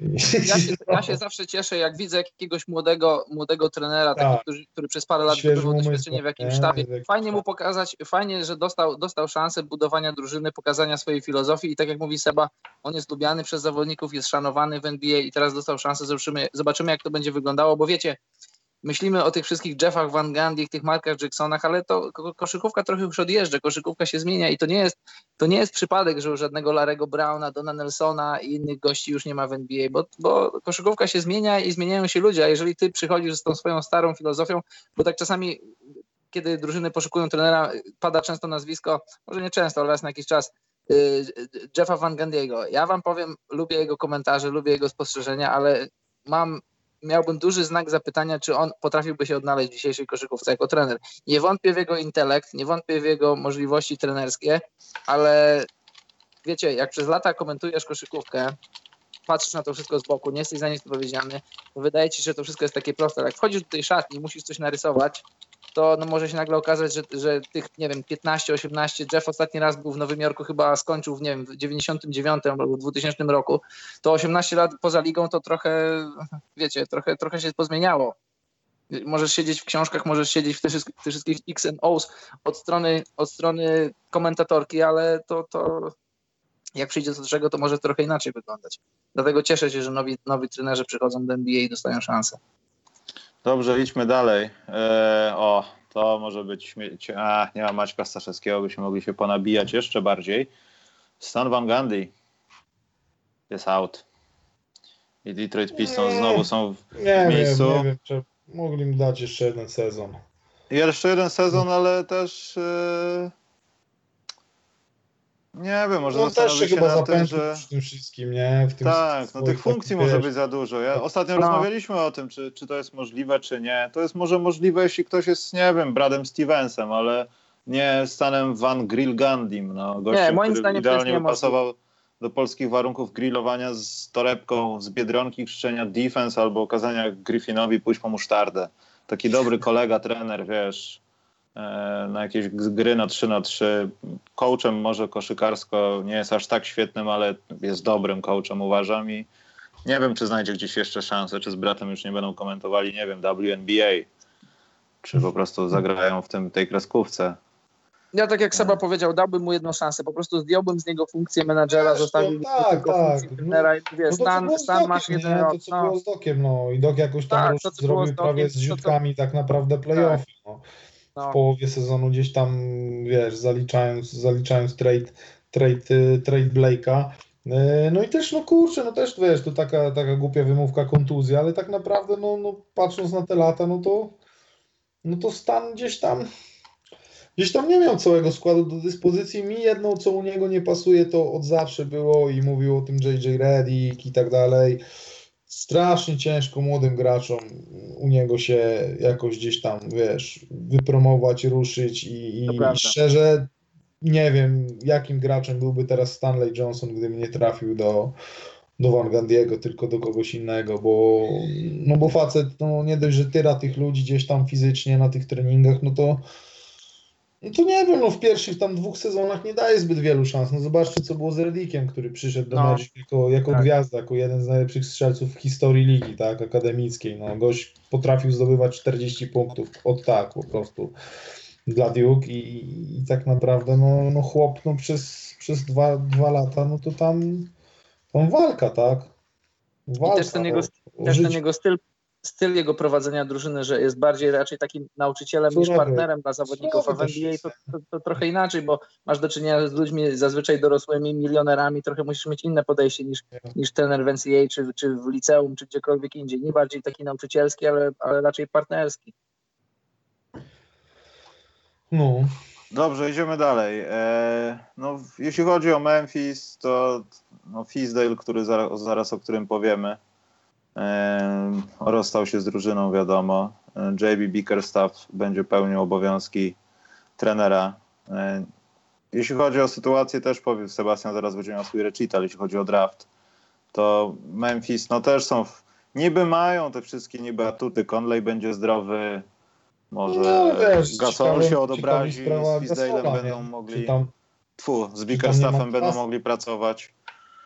No, mnie tam ciekawi właśnie, czy nie ma jakiegoś kwasa na, wiesz, na linii Gasol Management, nie? Czy to się nie skończy tak, że, że Mark Gasol wyleci w tym sezonie, bo będzie chciał po prostu, bo... znaczy wiesz, oficjalnie, no to cały ten kwas był na linii niby z Fisdale'em ponoć, tam było jakieś doniesienie w zeszłym tak, miesiącu, wiesz, tak. też tam gdzieś jakieś złośliwe raporty zaczęły padać, że, że Fizdale gdzieś tam potrafi być mędą, ale no kurczę, jak, wiesz, ma jakieś tam jakieś tam laurki wystawiane, wiesz, od Lebrona, od, od kogoś Tak. tam jeszcze, że się świetnie z nim pracuje, no to no to nie wiem, co tam się tak naprawdę działo, o co, o co tam naprawdę tak chodziło, no, że oni się tam tak ścieli, nie? No, no też tak, no. Dwie silne osobowości się no, ścierasz, tak, ścierasz się z najlepszym graczem ekipy, no wsiadasz, siać, gdzieś tam trzymasz go w czwartych kwartach na ławce, gdzie, gdzie tam wynik może się gdzieś tam przeorać na twoją korzyść, no to to też był, był, był, był, to, to są jakieś tam małe czerwone flagi, nie? Ale no, no co, no co, no, no przychodzi do Nowego Jorku, tak? Przebudowa 50 w ciągu 10 lat. No, Tak. ma, ma carte blanche tak naprawdę. No, jeżeli Porzingot będzie zdrowy, wiesz, no zrobił show na tej konferencji, nie powiem, no bo tam on zapowiadał, z Manu Mudaja zrobi gracza, wiesz, ze wszystkich zrobi graczy, z tego zrobi gracza, z Kyla O'Quina zrobi gracza, z Noacha zrobi gracza, no, no, no wiadomo, no, jaki fajnie, fajnie to wszystko wygląda, ja, ja tam cenię go jako coacha, no bo gość ma fajne gdzieś tam jakiś ten, ten swój warsztat, tylko że wiesz, też, też tam były jakieś historie, że on strasznie, że on za szybko chciał ten grind and, gr- grind and grid prze, prze, przełożyć na, na taką koszykówkę z tamtych lat hit, nie? Też gdzieś czytałem taki, taki zarzut, że tam też o to, o to te zgrzyty jakieś tam, y, tam poszły. No ale to, to mówię, to za, zaczyna chłop od początku z młodym zespołem. Knicks mają też jakiś wybór w top 10, chyba dziewiąty, więc kurczę, zobaczymy, no. Gość jest śmieszny, ma śmieszne okulary. No, Z jest z nim jest taka fajna rzecz, że on ma, on ma super głos, jego się dobrze słucha i te wszystkie te, te media w Nowym Jorku, których jest dużo i są, są liczne i się ich słucha, to, to będą miały co wieczór jakiś ciekawy kąsek, jakiś fajny, Jakiś tak. fajny cytat z Fizdale'a. Take that for data to będzie co, co parę dni coś takiego. Tak, no tak jak Tapir teraz napisał. Fizdale gada jak przedstawiciel handlowy. No, no. no tak, tak. Ma tak. Gadkę, no. Gość ma gadkę salesmana, sprzedał dobrze wizję teraz na tej konferencji. No i zobaczymy. O, a tacy w Sajczęto to są jeszcze najgorsi. No. Z nim jest taka fajna rzecz, on ma, on ma tak. super głos, jak się dobrze słucha. Yy, dobra, te, pośmialiśmy się. Mamy jeszcze jakiegoś trenera kogoś na wylocie. Poczekajcie, gdzie jest moja mądra karteczka. Milwaukee powiedzieliśmy, Nowy Jork James Sebastian... Borygo został trenerem Charlotte. Tak, James tak. Borygo. Popowicza drzewa. Kolejne jabłko, które gdzieś tam spadło. No zobaczymy, on tam gdzieś... Zaznaczając, że Steve no, Clifford tak. od prowadzenia Charlotte Hornets tak się rozchorował, że musiał odejść. E, James Borygo będzie naprawdę o, miał na końcu to takie duże o. Sorry. No zobaczymy, też zapowiadał to, co Fizdale, wiesz, dużo biegania, dużo rzutów za trzy, dużo twardej defensywy, czyli zapowiadał to, co się obecnie dzieje w koszykówce amerykańskiej. No to też no, nie odkrył Ameryki, tak? No właśnie. Wiesz, jak, jak czytałem te wypowiedzi z tej konferencji, mówię, wow, no to, czyli chcą grać to, co obecnie się gra w NBA. I, I spoko, no zobaczymy też. No. Tam, Dobrze, że... No? Seba, sorry, że ci przerwam. Dobrze, że nie powiedział jak Byron Scott w Lakersach. Nie będziemy rzucać za trzy, rzuty za trzy są overrated. Sorry. Tak, także, także no, no też, też zobaczymy, co to, co to z tego wyjdzie. No fajnie, to popularnie jakiś tam obiecujący prospekt trenerski od, od Popa. E, ja tam gdzieś ten, ten, tego sezonu gdzieś tam z Orlando, co on tam przejął zespół, miał bilans 10-20, tak na poważnie nie biorę. No tak naprawdę będzie teraz rozliczany od początku sezonu za to, za to, co tam się będzie dziać. Mm, no to na pewno nie będzie żadna przebudowa Charlo, no bo on tam, no nie wiem, no tam będą chyba oczekiwania jakieś na, na no nie wiem na co, na, na, na playoffy chyba dalej mimo wszystko, tak? Czy, czy nie? Czy się mylę? Mówisz o czym jeszcze pytanie. raz, bo ja się tu technicznie jakby... O co grają Hornets? O co grają, o co grają Hornets? Że, wiesz, że tam nie będzie o to, żeby Jordan... Żeby Jordan nie zabijał, nie wpadł z Glockiem do szatni, po nie Michał, strzelał wszystkich. Michał, e, co? Osoby na czacie mówią, że mamy jakieś echo, że słabo nas słychać. Tak? Mamy echo jakieś? A nie wiem, sprawdź to. E, moment, sprawdzam. A pisze, że Pan Tapir pisze, że już jest ok. Tak A, przepraszam, bo właśnie technicznie wyskoczyło mi jeszcze raz okno, bo mi się YouTube przelogował i Echo. przepraszam. Echo, Wiktor Konotpacki, nie ma długopisów, proste. Echo. Echo Eldoka, słyszymy hip-hop. Nie wkręcaj mnie, bo myślałem, że naprawdę znowu echo jest. Weź mnie nie wkręcaj. No. Dobra, nie, spoko, wszystko jest ok. Już nie ma echa? Czy jest dalej? Hop, hop. Już nie ma. Może moja wina. A, dobra, wiem co ja zrobiłem. Okej, okay, przepraszam. E, dobra. E, co ja chciałem powiedzieć? Mamy jeszcze tylko dwie rzeczy. Mamy Orlando, no i Vogel, ale to tutaj nie, ma, nie wiem, co można powiedzieć o Orlando Magic. Oni kompletnie idą w jakimś w kompletnie złym kierunku. Wszyscy inni naokoło upadają na samo dno i nawet jeśli szkoda, z tym draftem im nie poszło, to, to udaje im się coś tam zdobyć, żeby mieć jakiś punkt zaczepienia, a oni tych punktów zaczepienia, jeśli nie mają coraz mniej, to już w ogóle. I tak idą donikąd trochę. Aaron Gordon, come on. Gdzie jesteś, chłopaku? No. A fajne hmm. miejsce do grania. Fajne no i na koniec. Bardzo fajne. Dla hejterów wszystkich Majka Taylora i w ogóle polskiej kadry, o ile tacy są z nami na czacie, Igor Mike. Kokoskow jest trenerem Phoenix Suns a mógł być trenerem. Będę świetnym no. E, DJ-em, ponieważ tym kokoskowem przejdziemy, Sebastian, do twojego recitalu. E, jak to e, zamiast Suns jest Sunsz, czy tam Sunć, w sensie, że kreseczka jest i jest serbsko-słowacko tak. i tam wszystko jest europejskie. E, ale warto wspomnieć, że Kokoskow o mały włos nie został trenerem kadry polskiej. No.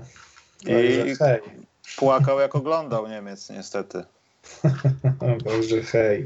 No, także Nic. co, mamy przejechanych trenerów. To tak Zostawmy to tak tutaj. Tak, kropeczka. Nasi grają w lipcu, także będzie gitara. E, słuchajcie, dobra, przejeżdżamy. Seba była loteria draftu, a zaraz na ekran wrzucę, jak to wygląda. E, wszystko. E, myślisz, że te trzy pierwsze wybory, znaczy piki, to jest marnowanie potencjału, czy dobra rzecz dla tych trzech ekip? Bo tutaj jest Sacramento, dlatego pytam. Ha, no wiesz co, Sacramento sprawa się ma tak, w ogóle widzieliście teraz wypowiedź Luki Doncicza sprzed Tak, paru godzin, że, nie? że nie wiadomo, czy się zgłaszać. Że nie wiadomo, czy, czy nie zostanie na kolejny rok w Europie, ale to wiesz, to też mogą być jakieś pokerowe zagrywki. Znaczy przede wszystkim Eee. trzeba ludziom powiedzieć prawdę, że gdyby teraz na przykład zrezygnował, tak, no to chyba nie mógłby się drugi raz zapisać do draftu i musiałby na zasadzie wolnego agenta dołączyć do ligi.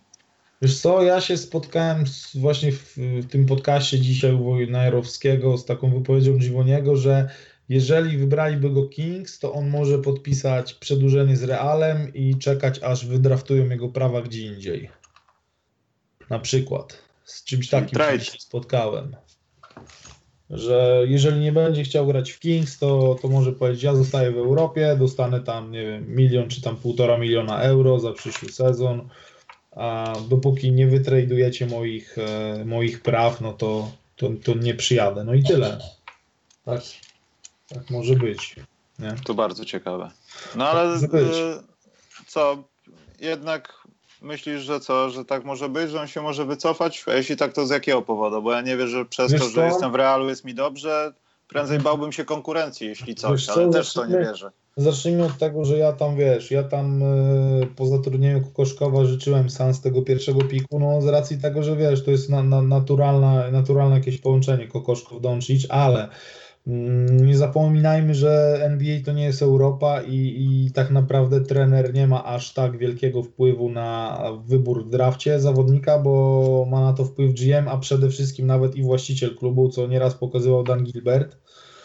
E, i, i, i tak dalej, więc e, mimo wszystko gdzieś tam, jeżeli Suns wy, wybiorą DeAndre Aytona, a, a oceniam te szanse na dzisiaj 60 do, do 40, e, no to myślę, że Luka Doncic, nie wiem, nie za bardzo będzie chyba chciał grać w Kings, którzy mają już Dierona Foxa, którzy gdzieś tam mają jakiś ludzi na pozycjach 2-3, mają Bogdanowicza, który miał fajny sezon, i też nie do końca, wiesz, no nie wiem, nie wiem, czy on tam chciał będzie grać, mimo że Sacramento wychodzi z, jakiejś, z jakiegoś tam dołka powoli, powoli, no ale to jednym trzeba pamiętać, że Wiwek to Wiwek. Że co by się tam nie działo, nagle, wiesz, przyjdzie Wiwek, tupnie nogą i, i może być, e, może być, e, może być różnie. Mm, No co, w kontekście Hawks e, kompletnie mm, nie wiem, to znaczy mam, mam tu jakieś swoje typy, ale też gdzieś tam w kuluarach piszczy, że podoba mi się Mervin Bagley, tak, ale tak naprawdę patrząc na ogólnie skład Hawks i to, co będzie się działo z nimi przez najbliższe e, cztery sezony, no to powinni brać tak naprawdę najlepszego gracza, który, który będzie przyciągał 3000 osób chociaż na trybuny, robiąc 20-10 w swoim debiutanckim sezonie. No i kimś takim może być właśnie Mervin, y, Mervin Bagley, nie? Także no dla niektórych jak im na pewno ta loteria nie potoczyła się, jakby sobie e, tego życzyli. No mowa tu o Cleveland, który wspominałem, że na pewno no oni mega liczyli na ten wybór w top, w top 5 od Nets, tak? No bo o ten pik tam była ostra, ostra walka w tym tradzie, oni jeszcze tam jakiś pik chcieli, ale osta- ostatecznie skończyło się na tym piku. E, No na pewno myślę, że Bulls gdzieś tam, gdyby nie zrobili tego ranu swojego na, na, na, na, na gdzieś tam, kiedy, kiedy oni ten run robili? W lutym, marcu chyba, W tak? styczniu jakoś, w styczeń, luty chyba. No, wygrali te 10 bodajże spotkań, więc też mogliby być e, wyżej. Mavericks na pewno liczyli na wybór w top 3, no bo o, oni będą na pewno chcieli Mohabena Bambę. Ja tak myślę, to jest gracz, którego mega potrzebują. E, więc, więc tu też mo, mogliby tam się zmieścić w top 3. Nie wiem, czy będą chcieli iść wyżej. No co jeszcze? Sixers. Sixers, wybór dziesiąty. Wiem na kogo oni na pewno się czają. Czają się na Mikala Bridgesa, ale nie wiem, czy ten gość do nich dotrwa, więc no, no może, może, może być ciekawy. Zobaczymy, co zrobią Clippers, którzy mają dwa piki, dwa piki po sobie, czy nie będą chcieli iść w górę. Tam jest przecież i tak masa ludzi, którzy chcą grać w koszykówkę, którzy są jeszcze gdzieś tam nie zostali sprawdzeni na, na, na jakichś, wiesz, większych minutach, większych szansach. Montres Harrell, Sam Decker, który jest mega inteligentnym graczem, a gdzieś tam tylu szans yy, nie dostał i mógłby być, wiesz, nawet kimś, kimś lepszym niż, niż gdzieś tam cichy, ci, cichy ulubieniec Karola Kyle Singler, nie?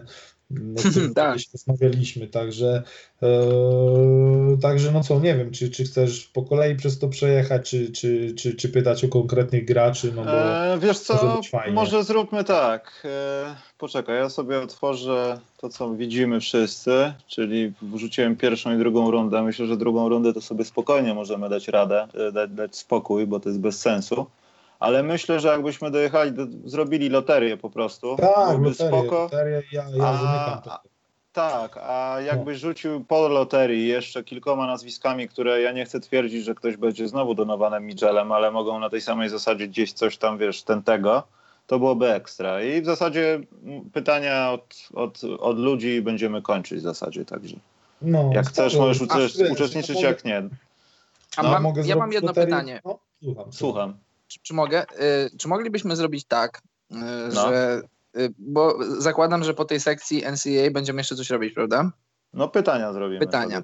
Czy moglibyśmy to odwrócić? Zrobilibyśmy pytania i kiedy będzie sekcja Seby, ja bym się rozłączył, dlatego że jutro wyjeżdżam i jeszcze nie jestem spakowany. Eee. Dobrze. Jakbyśmy dali radę, to by było super. I wtedy ja już No. bym się na sekcji Seby bym się rozłączył, bym sobie włączył Sebę, żebym sobie go mógł słuchać, a w tym czasie już Pytanie nie tylko, czy Seba nie musi, wiesz, Nie, bo to się spoko, domino spoko. robi, nie? no, no, no. Luźno. To Dobra. super. Dobra, zróbmy tak, że jeśli w ciągu, nie wiem, 5-7 minut nie będziecie mieli żadnych ekstra super ciekawych pytań, nie pytajcie o Kałaja Lenarda, błagam was, to wiem, teraz coś zapyta. To będzie bardzo śmieszny żart, podejrzewam. A jak w donajcie pójdzie coś o Lenardzie, to już to nie chcę rozmawiać, dopóki on naprawdę nie... Wszędzie O, jeździ policja policja. No i to tak wycięła człowieku. Za nielegalne podcasty. Nielegalne, ten, namierzali nas, ale usłyszeli, że nie mówimy o koksie i zawrócili. E, czekajcie, zerkam na czat. Nie ma żadnych pytań, bardzo dobrze. W Lecimy. końcu. W końcu. No to jak chcesz, Karol, możesz lecieć. No. No, będę leciał. No to y, dziękuję wszystkim za, za, za to, że słuchali was i mnie. Dzięki Seba, zawsze miło się z tobą rozmawia, miło się słucha. Dzięki, dzięki. Dzięki Karol. Michał. Dzięki Trzymaj się, Michał. Karol, dzięki wielkie. Przełączam się, was na, przełączam was na, na głośnik, a sam pakuję, pakuję walizkę i wyjeżdżam jutro.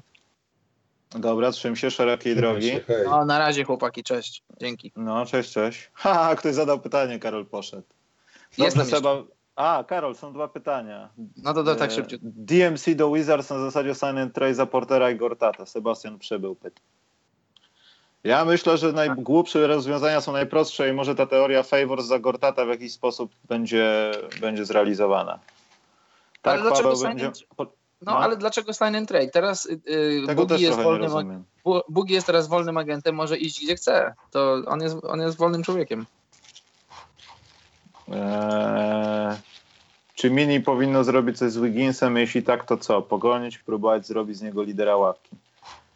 Nie, Tapir, lidera wie- ławki za, za, za, za 30 milionów rocznie, czyli on tam ma, nie, nie może, nie może być. liderem Tapir, ławki. jeśli masz nieokre- określone rzeczy podczas swojej kariery, jak ma Wiggins, czyli różne kłopoty z obroną, to jest takie tajemnicze słowo trochę czasem dla niego, faktycznie czasem jest blok z pomocy i coś takiego atletycznego jak lateral sprewell, ale poza tym fancy stuffem nie ma nic. E, To czy można co, co, coś od niego zro- z niego zrobić? W sensie, czy może on nie jest już tym, znaczy już, to też głupio brzmi, ale może nie jest tym zawodnikiem, który trochę nie realizuje tych swoich y, znaczy oczekiwań powszechnie panujących. O, nie zgadniecie, kto jest na czacie. Człowiek, który będzie w NBA z Polski, Filip Siewruk. Tylko mam nadzieję, że to nie jest fake konto. Siemano. Cześć Filip. Czołem. Tylko mam... No ja nie wiem, ludzie mogą robić na przykład. Ja bym zrobił sobie już fejkowe konto jakiegoś chłopaka z podstawówki super zdolnego i potem bym mówił, Myślisz? że to on w internetach. No. Jakbym był w gimnazjum, pewnie bym to zrobił. E, Paweł, ale poszły takie ploty, także to jest, e, to jest ten. Może nie powinienem, nie, nie powinienem tego mówić może, no. Ale generalnie jest tak, że, że Marcin Gortat nie, nie, nie wróci już chyba do Waszyngtonu. W sensie on chyba nawet zabiera wszystkie swoje rzeczy, tam już nawet sam nie myśli o tym wszystkim, także to żadna tajemnica w sumie, no i to dokąd pójdzie, no to, to na pewno gdzieś pójdzie, bo ktoś zadał tu takie pytanie. Poczekajcie, największe rozczarowanie wśród ruki tego sezonu.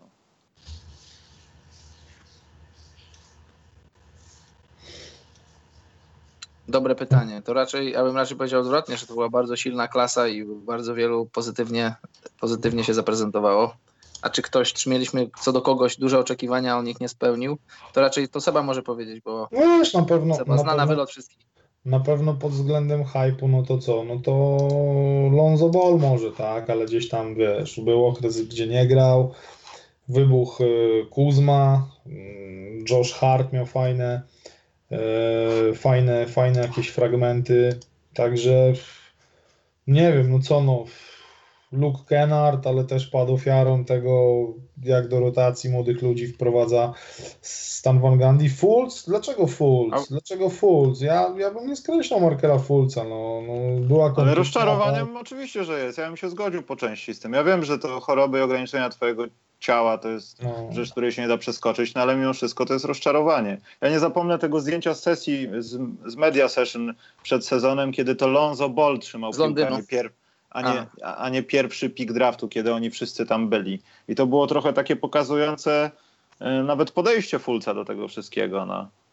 Że on może nie, nie, nie, jest tak, jak opowiadał w tych filmikach przed wybraniem z draftu, tam chyba z jego matką, że on walczy jako o bitwę, o życie, tam w ogóle brakuje mieczy. Może tak nie jest. Lonzo trochę zawiódł Michał, w takiej takie mieliśmy- drużynie, że, że chyba nie miał wyjścia, żeby tak było, no po prostu. Pamiętasz, Michał, mieliśmy takie spostrzeżenie z Londynu na temat Fulca, że on jest jakiś taki, taki smutny, taki wycofany, taki Tak, jakiś taki tak. nieobecny. Dokładnie, on tak wyglądał, No, ale Fultz, jakby nie no, chciał w ogóle tam być. no. No. że tak trochę zapomniałem o nim. Faktycznie może być trochę rozczarowanie, tym bardziej pamiętając, że, że on mógł iść do Bostonu. Wiele się mówiło o tym, że on pójdzie do Bostonu, a Tatum pójdzie do, do Filadelfii. To, Tak. to by dopiero hi- historia Tak, tego, Paweł. wiedząc to, co wiemy teraz. Tak, Paweł to jest ten kolos z Barcelony, ten Filip Siewruk, tak żeby ustalić, tak? To jest ten, ten koleżka, co jeśli nie zacznie jarać fajek, pić alkoholu i różnych rzeczy innych tam robić, które można w Katalonii na przykład, to może będzie w NBA nawet i może nie będziemy mieli takiej klasy jak Ponitka i Karnowski, ale chłop jest dobry. A co, co lepsze, wiecie, zawsze rodzeństwo trochę tam kopie w dupę jego brat też jest dobry. I bardzo dobrze nie są w Polsce, w sensie że nie dali się wciągnąć to nasze gówno, bo może mają szansę się z niego w jakiś sposób wyciągnąć. No ja wiem, że to zwieńczenie i tak skończy się polską kadrą. Prawdopodobnie. W sensie będą peany, jak to świetnie mieć takich zawodników, ale oni nic nie dostali od nas i to jest najsmutniejsze. Yy, Dobrze, poczekajcie, bo Filip zadał pytanie. Co sądzicie o grze Kinga Jamesa i jego szanse w PO? No, mówiliśmy o tym wcześniej, to raz, a dwa, no to co można sądzić? No on jest sam, wiesz. Wiesz, jak to jest być samemu Filip w drużynie, no. Jesteś sam, podajesz koleżce, który nie dorzuca do kosza z trzech metrów. No, tak trochę może w takim skrajnym przy- przykładzie, ale tak trochę jest. Dziady Chicago- Mickiewicza. Y, Sterydaslo, nie wiem co to znaczy. Czy, a nie, jest lepsze pytanie od Grandmaster Master, Matres. Y, Czy jak dobrą dupą w skali od 1 do 10 jest żona Fizdale'a? Nie A widziałem. jest, a jest dobra? Ty, no. Jak, to jest taki chyba kugar bardziej, Rzuć, czy nie? rzuć, rzuć. Fisdale wife. David. Od razu, jak mogliście tego nie wiedzieć, chłopaki. No. Nie wiedziałem, jakoś mi Na umknęło. pewno lepszą niż zwyciężczyni tegorocznej Eurowizji, to na pewno. David? Fizz the Wife. No już mam, no... To jest ta. To jest kuzynka tej. Jak to się, No. się jak ona się nazywa? Seleny Gomez, o. No, mocne 8 w skali 1 do 10. No. Mocne 8, 9 może nawet. Dave Fize. Dave Fize ma śmieszną twarz. Jest taki jakby zjarany był cały czas. No, spoko. Spoko. To samo wpisałem. Dobra, poczekajcie, czy mamy jeszcze jakieś pytanie, czy możemy, możemy sobie... Nie, najfajniejszy jeden, nie odpowiemy na to, jakbyśmy widzieli Kałaja w Pelicans. Nie. E. Mateusz Kunach pytał, czy top 10, top 15 draftu pasuje do dzisiejszej NBA? Czy jest ktoś, kto nie pasuje, ale nie, nie wiemy z którego draftu. Z tegorocznego, dajmy na to. To Seba Nie. później odpowie. No jest, no, no. Spoko, to mogę potem odpowiedzieć, ale też gdzieś tam czas będzie mi się potem kończył, nie? No, jest paru wingmanów, spoko będzie. Nie będzie źle. Dobrze, to zaczekajcie do tej sekcji z draftem, to tam te wszystkie z debiutantami. Dobra, nie ma chyba większych pytań. Także Karol, jak chcesz, to możesz yy, iść, Tak, iść no. się pakować. Bardzo chętnie bym został, ale niestety muszę. Jutro rano wyjeżdżam. Kolejny turniej mam do posędziowania. Samo się nie zrobi. Sam się Dobrze. Trzym się, Karol. No, to dzięki chłopaki, Trzymaj zawsze się. miło z wami. Po, pozdrawiam słuchaczy, dobranoc, na razie, cześć. No, Cześć. cześć czołem, cześć czołem. Cześć, cześć. E, dobra, Seba, to przechodzimy. A, Filip pisze, ja trzymam kciuki. Każdy trzyma kciuki za Lebrona, ale z drugiej strony, czy jak Celtics nie awansują do finału, to nie będzie taka świetna sprawa, żeby wygrali z tym zachodem. To byłaby akcja. Może trochę nie mają szans, ale myślę, że to byłoby ciekawe. Karol poszedł i Tapir pyta, Karol, jak widzisz trade między Spurs i Celtics? Pytania na twoim fanpage. To, to już Tapir, niech on się tłumaczy. David dobra, odpalam, odpalam obrazek z draftem, Seba. Niżej, Tak myślę. Dave. Dobra, Phoenix co? Na miejscu Phoenix wybieramy potencjalnie najlepszy samochód y, w komisie, czy bawimy się w to połączenie z Doncicem, o ile on się zgłosi do draftu?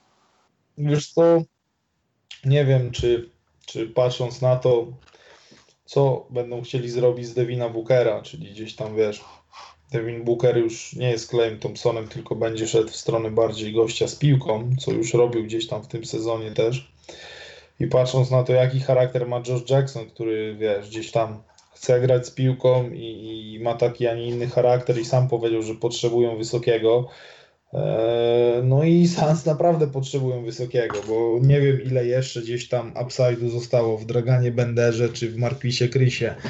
Eee, No i myślę, że no patrząc na to, co ogólnie prezentuje DeAndre Ayton, no to tak jak mówiłem, to na, na, na dzień dzisiejszy wiesz, ja tam hura optymizm, o Kokoszko, Doncic, wszystko będzie grało, ale, no ale patrząc na ich takie stricte potrzeby i patrząc na to, że, że gdzieś tam Ayton już tam chyba trzeci rok gdzieś tam w tym y, w ich obszarze, tam w tej Arizonie gdzieś tam sobie grał, dwa lata w high schoolu bodajże i, i jeden, jeden rok y, w koledżu, no to myślę, że no na, na dzisiaj to mimo wszystko DeAndre Ayton, który ma fenomenalne warunki fizyczne jak na, jak, jak na taką pozycję i na taką mobilność, no gość poczynił taki postęp w ciągu ostatniego roku, że no chyba grzechem mimo, było, mimo wszystko byłoby go nie brać, no z całą, z całą sympatyzacją dla, dla Doncicza, u którego no jest też kilka znaków zapytania, między innymi kogo w NBA będzie mógł bronić Luka Doncic, czy pozycję 2, czy pozycję 1, czy pozycję 3, graczy już teraz połowa graczy z draft combine jest bardziej atletyczna już niż Luka Doncic, no.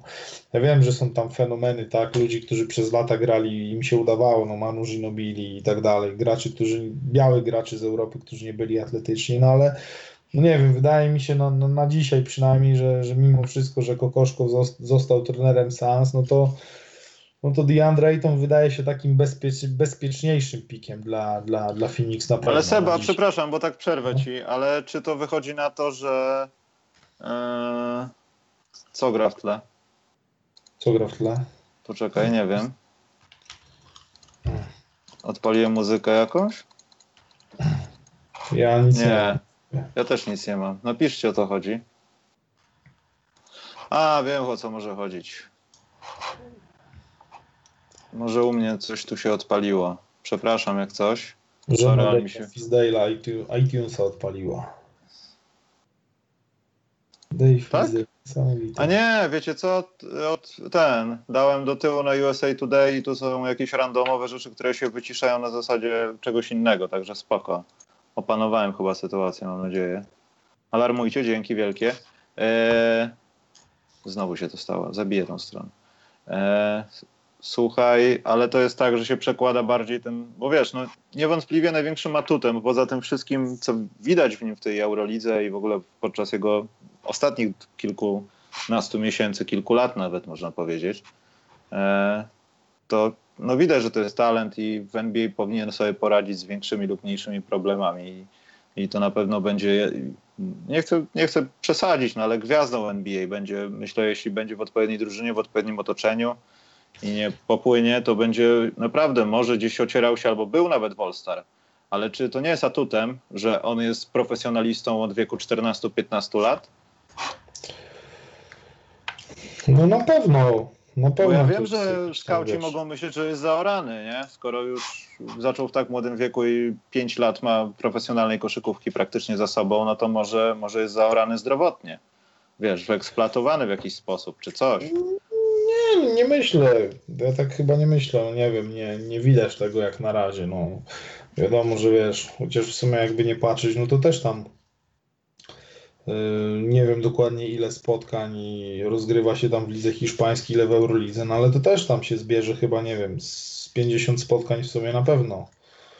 Więc tam też gdzieś on tam co, co jakiś czas gra jakieś mecze. Wiadomo, że to nie jest taka sama intensywność, no ale wiesz co, to jest za wcześnie, żeby jeszcze o tym mówić. No, tu już wiesz, możemy robić przymiarki. Ja nie będę dzisiaj rzucał konkretnych pików, tylko będę rzucał po dwa, trzy nazwiska gdzieś względem potrzeb zespołów, a, ale tak mhm. jak mówiłem, no kurczę, no, no wszystkie, wiesz, wszystkie znaki pokazują, że no, zatrudnienie Kokoszkowa, ten pierwszy wybór Sans, no, że oni muszą wziąć tego Doncicza, ale no mówię, gdzieś tam gdzieś tam potem, wiesz, trochę mi entuzjazm opadł, zacząłem tam czytać jakieś tam wypowiedzi ludzi blisko związanych z Sans, gdzieś tam z, z jakichś dzienników z Arizony i, i no i ten DeAndre Ayton też tam no, no, mocno, mocno stoi. No, to jest gość, którego naprawdę obserwowali już od, od, od kilku lat, no, który gdzieś tam grał i w, w, w obszarze, tak jak powiedziałem i no i naprawdę, no chłop pod względem fizycznym jest, jest, jest straszny, no, jest, jest straszny, jest mobilny, mm, tam wiesz, padały pytania co z jego defensywą i tak dalej, ale to spokojnie, to wszystko da się, da się zrobić, tym bardziej, że Kokoszkow no, też jest no, jednym ponoć z lepszych specjalistów właśnie, jeśli chodzi o ten indywidualny rozwój gracza, no, no nie wiem, chociażby bez Kokoszkowa nie byłoby Gorana Dragicza teraz w NBA moim zdaniem, no. To co jaką pracę z nim Phoenix wykonał, więc... A propos tego, e, ca całej sytuacji z Kokoszkowem, to, to nie było tak, że no oczywiście my coś źle rozpoznaliśmy w naszej kadrze, tylko tak jak ktoś słusznie napisał, tam trochę się otarło sprawy finansowe, natomiast no, no tak, myśl, no. myślę, że cytując jeden z od niedawna z moich ulubionych w ostatnich latach komedii, e, superprodukcja, no tam są czasami takie tak świetne dialogi, trzeba nadpłacić, przepłacić, no i, no i trzeba było tak zrobić, no. E, bo myślę, żeby to się bardziej nam opłacało niż całym szacunkiem Mike Taylor, bo chociaż nie wiem, czy to byłaby lepiej wykonana praca z tym zasobem ludzi, no ale Kokoszkow na pewno byłby naszym atutem. Pewnie by odszedł tak jak po teraz. No. roku pracy. Tak, ale może by to, nie wiem, kogoś tam czegoś nauczyło. No nieważne, no stało się. No, jesteśmy tam, gdzie jesteśmy. Dobra, Seba, Sacramento. No Sacramento, no to Sacramento, no co, no, no to albo Luka Doncic, który, który gdzieś tam może, może nie chcieć dla nich grać i, i zrobić im psikusa, o którym w, y, wspominał Givoni, no niby mają tam, wiesz, Lavisiera, mają koleja Steina jeszcze. E, no to jest też, wiesz, to jest też taka opcja, że oni tam mają, mają kilku ludzi, z których mogą zrobić gracz. No Diaron Fox myślę, że będzie fajny, fajnym graczem. Mają Bogdanowicza, mają e, Justina Jacksona, który, który może być, wiesz, no spokojnie przy, przy fajnej tyce pracy z fajnymi ludźmi może być drugim Otto Porterem. E, więc tu mówimy o graczach gdzieś tam obwodowych i wingmanowych, którzy oni tak naprawdę mają, no nie wiem, może Moubamba, może Mervin Bagley właśnie, który, który gdzieś tam, wiesz, mógłby się uczyć też od, od, od Zaka Randolfa e, paru, paru sztuczek. E, no jeżeli zostanie na pewno z dwójką Ayton, jeżeli Sans wezmą Doncicza, no to, to na 100% wezmą DeAndre DeAndre Aytona, więc no tu jest... Ale co, myślisz ogólnie, że to wszystko, co jest w Sans, w sensie ta Serbia cała i w ogóle no, wyposażenie tego zespołu, jeśli chodzi o ten staw europejski, to, to, to pokazuje tylko, że chcemy Doncicza, czy to jest kompletny przypadek? Bo to wiesz, można różnie identyfikować. No. Wiadomo, że chcieliby wybrać Aytona, ale z drugiej strony no, jesteśmy przygotowani na to, że on tylko zmieni klub jak gdyby, to będzie gładkie przejście i wiesz, i trochę to bez sensu, no bo faktycznie, no Booker, Doncic i, no, i co, z Benderem jest, w środku? No to jest właśnie, wiesz, to jest, to jest właśnie znak zapytania. Poza tym, no, no nie, nie, nie dzieje się dobrze we front office Sans, tak? Tam jest burdel ogólnie jakiś tam, Saver jest dziwnym właścicielem e, i tak dalej, więc zobaczymy na ile ludziom też pozwoli e, pozwoli działać. No ja, ja powiem tak, no, zatrudnienie Kokoszkowa i ta cała reszta no, zwiastuje, że, że Doncic jest szykowany do Phoenix, ale, no, ale nie byłbym tego taki pewien teraz. Naprawdę po, po, po tym, jak się trochę ostudziłem i, i, i gdzieś tam jakieś, jakieś tam rzeczy też, też wyszły, no to myślę, że, że to nie jest jakiś taki mega stuprocentowy pik do nich. No, naprawdę gość pokroju Leandra Aytona, no to to jest jest też obiecujący gracz, mimo że, mimo że gdzieś tam wiesz, ta, ta koszykówka no, no, no zmienia się i jest więcej graczy wingmanowych i tak dalej, ale no ale kurczę, no, no chociażby zobacz jak Clint Capella się teraz przydaje Houston i, i, i, i co robi, a DeAndre Ayton już z miejsca może gdzieś tam zdobywać punkty na różne, na różne tak naprawdę sposoby i dalej gdzieś tam chłonąć całą, całą defensywę przy tej swojej fizyczności, także no zobaczymy, co zrobią Suns. Zobaczymy, co zrobią Suns. Potem się to wyklaruje w Kings. No na pewno jest łatwiej gdzieś tam, e, gdzieś tam niżej, bo na przykład tacy Hawks z trzecim pikiem, no to są ponoć zakochani w Merwinie Bagleyu z Duke. No i to jest, to jest gracz, myślę, że którego powinni wybrać, bo, bo gdzieś tam facet, wiesz, przyciągnie parę osób gdzieś tam na trybuny, zrobi sobie to 20-10. To jest na pewno jakaś tam czerwona flaga z, z defensywą 1 na 1, bo to było zakrywane w Duke y, z racji tego, że oni grali strefą tam od, od, od stycznia, lutego. E, no ale myślę, że to jest gość, którego, którego mogliby brać. No nie wiem, mam tu jeszcze Mohabeda Bambę, mam Jerena Jacksona, ale wydaje mi się, że że to jest gość, którego, którego mogliby teraz potrzebować, tym bardziej, że nie wiadomo, co będzie z Johnem Collinsem, czy on będzie bardziej piątką, czy, czy, czy, czy czwórką w NBA. To też jest, wiesz, taki, taki, tak. taki znak e, zapytania. No i nie wiadomo, w jaką stronę będą chcieli iść Hawks. No mają cztery piki w pierwszej rundzie. No właśnie. Poza tak, tym wiesz, takie pada pytanie, kto jest bardziej jak gdyby taki wsysający w próżnię, czy Sacramento przez to tak naprawdę jaką są organizacją, czy, czy Atlanta z planem wieloletnim jak w odbudowanie tak. Warszawy po powstaniu warszawskim, po wojnie. I, I, gdzie wiesz, gdzie będziesz grał, gdzie, gdzie na meczach będzie po prostu zimno, bo nie będzie ludzi, będzie wiał wiatr. No. Tak, i takie snopki jak na pustyni no, będą. Są, Wiesz, są, są, są na pewno gdzieś tam piki, gdzie, gdzie łatwiej to wszystko oszacować i klarować. Na przykład Grizzlies, no to wydaje mi się, że, że jeżeli tam będzie stabilna sytuacja z Gasolem, no to powinni sobie wziąć po prostu skrzydłowego pod, y, pod Marka Gasola. No i, i ten, ten dzieciak właśnie z Michigan State, Jaren Jackson, nie, nie jest złym pikiem, no bo jest to gość, który ma, ma ten dziwny rzut, ale ten rzut jest miękki, e, jest świetnym defensorem, ma fenomenalne warunki gdzieś tam, gdzieś tam fizyczne. Jeżeli Bagley zostanie, to może Bagleya gdzieś tam też właśnie wziąć, żeby, żeby też był takim, wiesz, lepszym, bardziej mobilnym zibą. E, kwestia tego, co też będzie chciał grać Bickerstaff, także, także tu bym bardziej szukał mimo wszystko kogoś pod, pod Gasola, nie szukałbym gracza wingmanowego ani obwodowego. No Dallas Mavericks, oni, oni no, aż potrzebują tego Mohameda Bamby, potrzebują Mohameda Bamby do Denisa Smitha, no naprawdę, potrzebują tego kolesia, jeżeli Bamba się nie ostanie, no to niech biorą Jerena Jacksona oni potrzebują rim protektora, który, który gdzieś tam też do tej nowej koszykówki się podpasuje i będzie mógł trenować, wiesz, rzuty z Dirkiem Nowickim, także Także ja, by, ja bym na przykład bardzo chciał, żeby Mohamed Bamba trafił do Mavs, no bo jest to też jakaś tam, wiesz, poukładana w miarę organizacja i, i można by coś było ciekawego, e, ciekawego z tym zrobić. No kompletnie nie wiem, w jaką stronę mogą się Orlando Magic. Dla mnie to jest w ogóle zagadka, to tak jak mówiłeś, że, że tam, tam się dzieją złe rzeczy ostatnio i nie wiem, w jaką stronę idzie ta organizacja. Aaron Gordon po, po tym sezonie jest już zostaje wolnym agentem.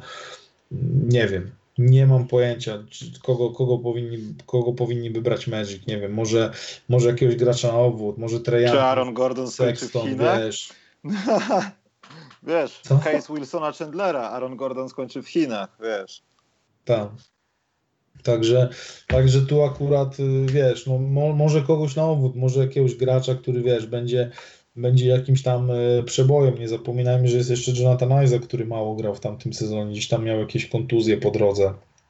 Więc też zobaczymy, to jest gość, który może kryć kilka pozycji e, w NBA. No, na ESPN mają Trae Younga, ale, ale co, co dalej? No, no co, Young przyjdzie, będzie rzucał z, za trzy bezsensownie, no i nic z tego nie będzie. Chodzi, chodzi gdzieś tam też, żeby E, żeby, żeby coś, coś zbudować. Tu naprawdę to jest, to jest znak zapytania dla mnie, bo, bo organizacja zmierza w dziwnym, w dziwnym kierunku. No co, no two, twoi Bulls na pewno liczyłeś na jakiś wyższy pik. E, no A co tam mówiliśmy o Memphis i mówiliśmy o tych? Tak, tak. No ja lecę. A, okay. Ja lecę. Dobrze. Tak. Okej, okay, okej. Okay, ja lecę i, i, co? No i w Bulls to możemy polemizować, bo, bo tak, no bo co, jest, jest tam jest tam co? Na pewno jest dziura między, między powiedzmy, nie wiem, między Chrisem Danem, Lawinem a Laurim Markanenem, czyli no potrzebujecie dobrze broniącego wingmana, najlepiej rzucającego za trzy, no to aż się prosi, żeby brali tutaj siódmym pikiem Mikala Bridgesa, ale czy będą aż chcieli siódmy pik wydać na Mikala Bridgesa z Villanowy, no to to nie jestem do końca przekonany. No na pewno Mohamed Bamba, gdyby się ostał, tak, ale wątpię. E, Właśnie Może Wendell Carter, ale który będzie tylko, wiesz, takim mega dobrym roleplayerem, ale nie star playerem, także no nie Słuchaj, wiem. Słuchaj, Seba, na Twitterze jak rozmawialiśmy o e, kurde, ale zgubiłem to, były pomiarówki z Draft Combine i Bamba no, ma rekord, jeśli chodzi o wingspan w jakimś 70, tam... 70 no, To masakra jest jakaś. Rudy Gobert miał 7,9 i już myśleli, że nikt nie może mieć większego wingspanu. Gdzie jest Antek? Także Mo Bamba strasz, straszny wingspan. Prze, mam ten, masakra. mam tą rozpiskę. Tak. Mo Bamba ma no, wingspan 70, Gobert miał 7,85 no, Whiteside 7-7, Magi 7-6 i Ajinkcha 7-8-7-5. No. Masakra. Także masakra, masakra. No i no nie wiem, no nie wiem, co, co ty o tym sądzisz w ogóle, nie? Właśnie jak. jak Wiesz co, z tego co tam czytałem, no to wcześniej w, trak trakcie trwania tego turnieju, no to Bridges był strasznym kandydatem, że oni myśleli, że on tam będzie gdzieś rozciągał z Markanenem grę, będzie tam przytrójczał, ale może Pisz wejść pod kosz. czy o Mikalu? Mikalu. Mikalu z Villanowy, no, no i tak. to chyba jest najlepszy fit jak na razie. Ale teraz wszyscy cisną Wendela Cartera Juniora, że on jest takim koniem, że on będzie no świetnie no się spisywał to. w środku, jeśli Markanen, Markanen będzie na zewnątrz, wiesz, że chcą stworzyć... tak, i, gość, że... i nie wiem, czy ten Carter nie byłby lepszy, tylko tutaj powstaje pytanie, czy może Bulls jak zwykle nie pójdą w dziwnym kierunku, i nie stwierdzą, wiemy, że mamy Dana, który miał przełomowy dla siebie sezon i może będzie jeszcze lepszy w następnym, no ale z drugiej strony mamy Dana, mamy Lawina, mamy Valentina, o którym mówimy, ja nie wiem, no, Twitter, Twitter e, Chicago Bulls powiedział, że Valentine poczynił extraordinary postęp. I to był przełomowy sezon. Ja wiem, że było lepiej niż w jego debiutanckim, ale mimo wszystko dalej to jest półka z Sen. I kto może to nie jest dobry sposób na to, żeby wytransferować kogoś z tego guard unit, nazwijmy to w ten sposób, i po prostu przesunąć swój pik albo pozyskać lepszego zawodnika. No. Mamy trochę też pieniędzy do wydania, jeśli uwolnimy się od niektórych pieniędzy, więc ja bym spróbował. No, ale, ale wiesz, bo mimo wszystko spadliśmy poniżej loterii. Ja jestem rozczarowany. Miała być jedynka z Rose'em, tam pieniążki już były posypane, a dupa. No, także wiesz, tu też, to, to, to, ale tu przynajmniej wiesz, fity są określone, bo, bo w przypadku Cavs, no to, to jest na pewno ten, ten pik, ten pik jest jakąś tam porażką, bo oni, oni na pewno liczyli na więcej, oni liczyli na wybór w top, top 3, top 5 na pewno, gdzieś tam biorąc, biorąc, biorąc no pewnie, że tak. Wejdzie.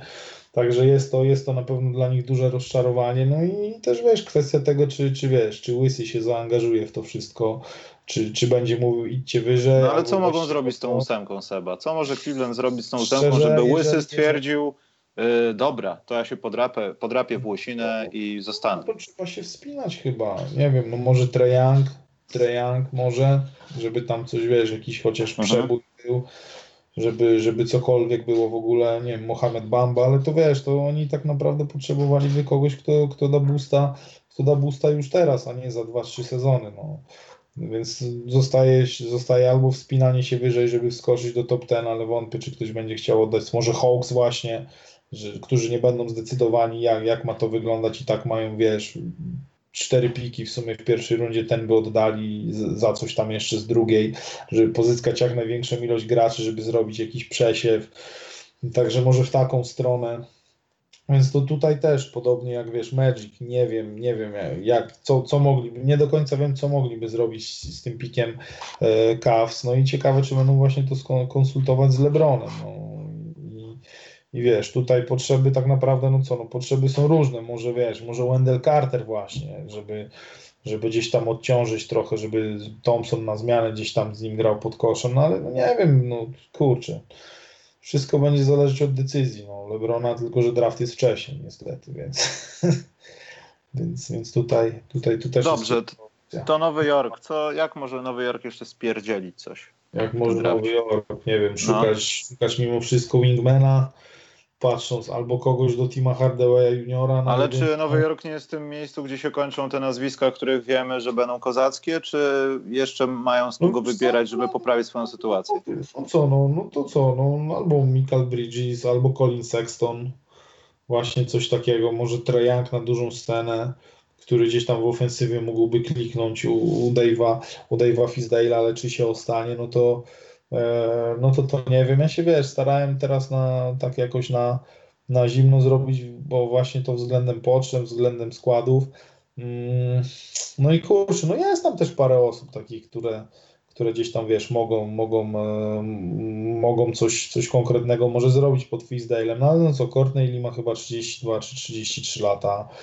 Yy, także no może, może, może mimo wszystko też jakiś, jakiś wingman 3D, y, no może Miles Bridges, chociaż bardziej też bym widział Mikala e, w Knicks i na pewno Sixers modlą się, żeby Bulls albo Knicks nie wzięli Mikala Bridgesa, bo Knicks gdzieś tam też się wypowiadali na jego temat dość, y, dość fajnie i jakaś tam, jakaś tam pokusa pokusa jest, tym bardziej, że to już jest taki pik, że wiesz, że, że, że, że możesz tam spokojnie sobie rzucić ten pik na Mikala Bridgesa, to nie jest pik w top 5, no. Jezus, sama przepraszam, ale jest żart. Arszawin powiedział no. pierwszą śmieszną rzecz w swoim życiu.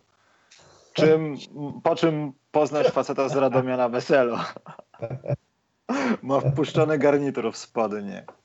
Koniec. Ja, kurtyna. W tym momencie ja ogóle, stary, ja czytam ten czat, jest, jest, jest, jest Nie, bo poczekaj, dobrze, skoro jesteśmy na Nowym Jorku, to zatrzymajmy się, będzie od 10 do 14 za moment. E, natomiast słuchajcie, jeśli chodzi o finał PLK, szczerze mówiąc, ja trzymałem kciuki za Toruń, bo bardzo mi się Cozy spodobał, w sensie na Pucharze Polski, potem pooglądałem kilka jego spotkań.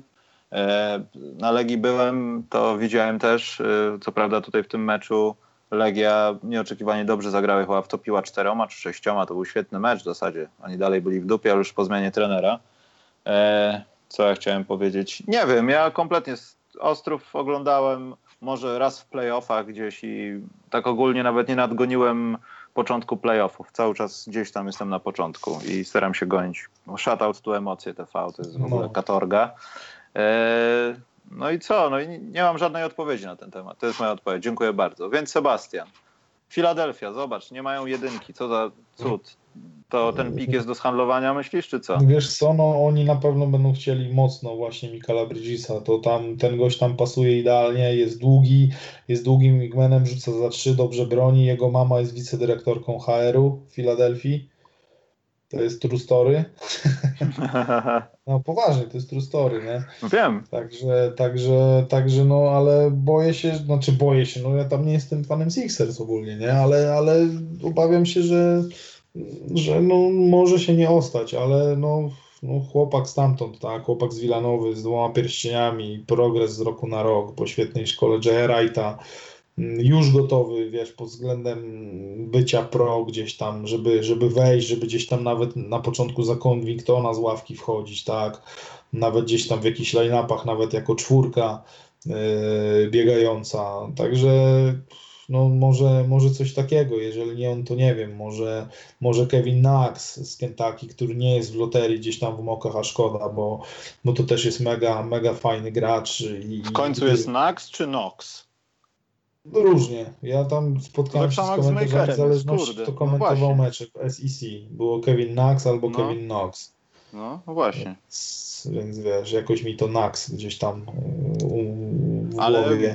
głowie, zostało. Chyba nie padło jeszcze nazwisko Sextona, czy padło? E, nie, no padło właśnie do Knicks. Do Knicks, A, do, do Knicks, okay, do Magic, okay. do Knicks, do Magic, wiesz, coś, coś takiego. Tylko, że się boję, że wiesz, że Colin Sexton zostanie kolejnym atletycznym gardem rzucającym na poziomie 30% za 3. No. I będziemy mieli tyle nie z Colina Sextona w tej nowoczesnej koszykówce. Ale jak będą grali w czterech, to na pewno tak. zostanie na boisku.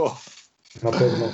Na pewno, na pewno zostanie na boisku. No, no, no co, Hornets y, też, no, kilka ciekawych nazwisk, których mogliby mieć do nowego systemu, e, mimo że wiesz, gdzieś tam jest Malik Monk, Kemba Walker, może właśnie Wingman też jakiś, może Miles Bridges, y, może właśnie Kevin Knox, może Michael Porter Jr., który w ogóle jest takim prospektem, że może zostać wybrany w top 5 albo gdzieś tam spać na koniec loterii przez to, że te jego plecy no, są dalej wielką dalej wielką niewiadomą i tak naprawdę nie wiem po co on wracał na te 50 minut do, do Missouri. No.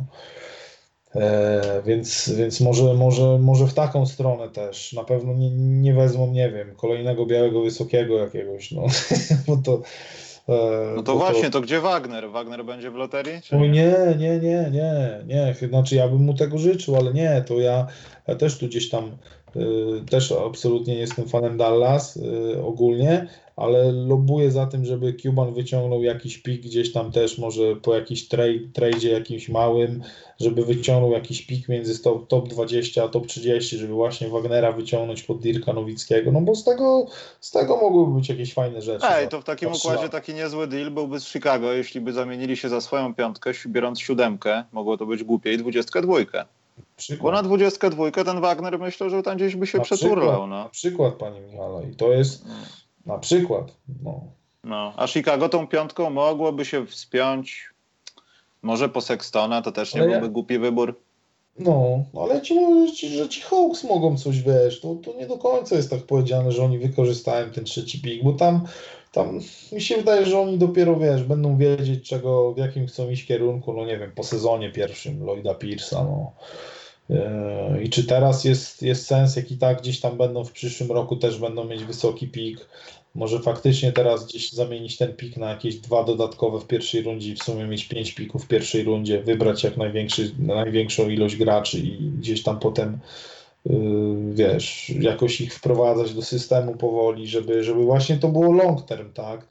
Yy, no bo nie ukrywajmy, że gdzieś tam po, poza tu, tu, w tym drafcie nie ma, nie ma wielu graczy, którzy wiesz, nagle w trakcie jednego sezonu zmienią, zmienią oblicze twojego zespołu kolosalnie. No, wydaje mi się, że to są jest wielu graczy, którzy, którzy mogą, mogą na przykład za, za rok być wiesz, jakimiś znaczącymi graczami, nie, niekoniecznie w sezonie debiutanckim. No.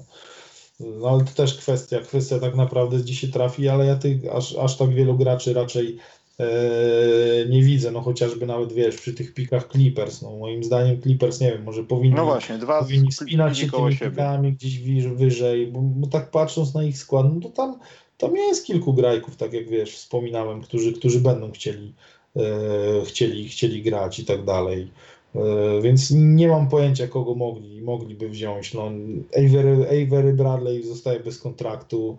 E, DeAndre Jordan pewnie wykorzysta swoją opcję, żeby wiesz, gdzieś tam nachapać się hajsu i, i zostać gdzieś może wytradowanym później do jakiegoś, wiesz, e, zespołu mocniej playoffowego, za, za, kogoś, za kogoś, może, może nie może draftu, no cholera, cholera wie tak naprawdę. Za Gortata gdzieś. Za Gortata, no. O! Może, może Lonnie Walker czwarty, może Lonnie Walker z Miami właśnie Widzę te nagłówki, za, za Gortat został przetransferowany za Jordana. Za Jordana. I, I, echo takie nałóżmy, za Jordana. Za Jordana, z portfelo tak. robi kliki. No. Dokładnie. No.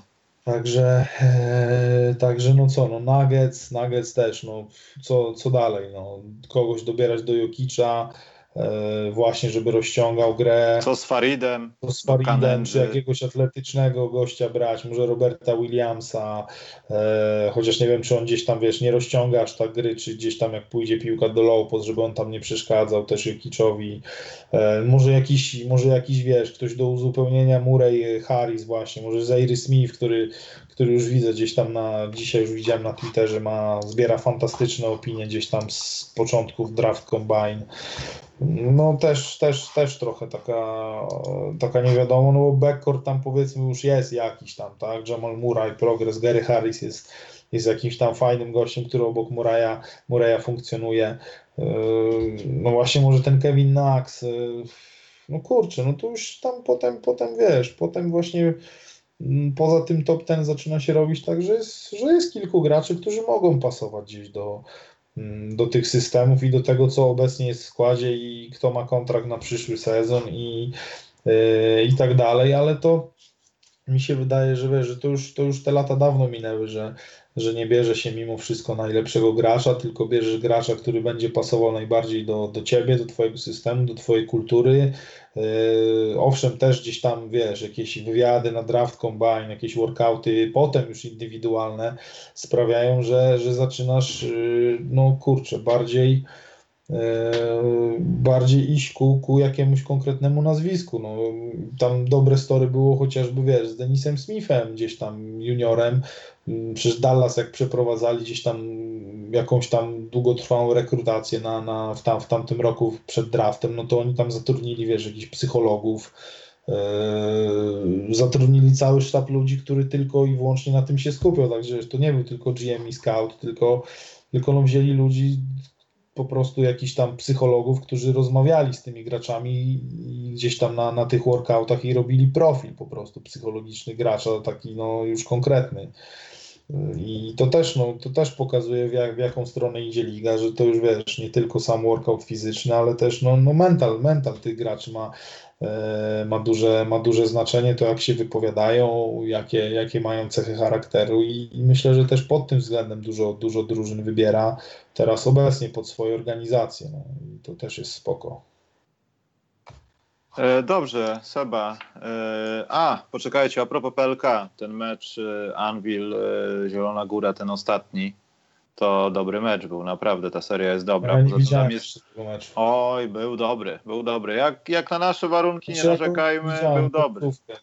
Widziałem tam końcówkę tylko. Kolejna sprawa, ta seria to naprawdę jest, dobrze się gryzą tam panowie, poza tym dużo dram, trąbki, nie trąbki, tutaj media, coś jest naprawdę, naprawdę można się wkręcić, w sensie, że wiem, że jesteśmy w Polsce dalej, to nie jest Golden State Houston, ale mimo wszystko jest znośnie, także zachęcam. To jest tyle, jeśli chodzi o PLK. No i co, Sokół Łańcuch chyba awansował dzisiaj do Ekstraklasy, czy nie? Nie wiem, czy wygrali ten mecz trzeci. Jak? Przecież Spójnia prowadziła. Spójnia prowadziła, tak? No 2-0 przecież Spójnia prowadziła. A, pardon, tak, bo ja nie widziałem nic z tej no. serii, no. włączyłem ten mecz, bo chciałem obejrzeć wszystkie, bo mają na YouTubie i zacząłem od tego na żywo. I... Tak, tak, A... tak, Spójnia awansowała. No. Okej, okay, dobrze, bo, bo, tak właśnie nie grało. No, co, do pierwszej ligi Górnik Wałbrzych chyba, tak? Kraków. Tak. I, no. I, ktoś jeszcze chyba tam się będzie batlował teraz. Skoro mamy raport z Polski, to niestety, i to uwaga, uwaga, to jest potężny cios. Marek Zapałowski nie jest już trenerem y, z Nicza Pruszków. Hmm. W karuzeli transferowej obawiam się, że jest trener Bakun, który prawdopodobnie o. z chęcią podwyższyłby swój status. Więc, e, więc tak to będzie wyglądało. Nie wiadomo co ze składem. Nie wiadomo co z Maćkiem Jamrozikiem, jeśli już walę taki insight beatwriterski. Kompletnie nie wiadomo. Rozmawiałem, ale to jest za wcześnie, żeby oni cokolwiek wiedzieli. E, być może uda mi się zaprosić Marka na, na jakiś podcast. Obecnego do niedawna gdzieś na czacie Filipa Siewruka też bym gdzieś zaprosił, czy to prawda, to wszystko, co jego ojciec powiedział w podcaście, to też bym zweryfikował. Poza tym warto mówić o, o talentach. Mało się mówi o polskich talentach, mimo że nie mamy ich za wiele, to warto mówić. E, Farid na ulicy sprzedawać krak. Myślę, że matki by mu zabroniły. A tak poważnie, to Farid to też jest taki gość. Pieniążki z tego, z kontraktu i koniec.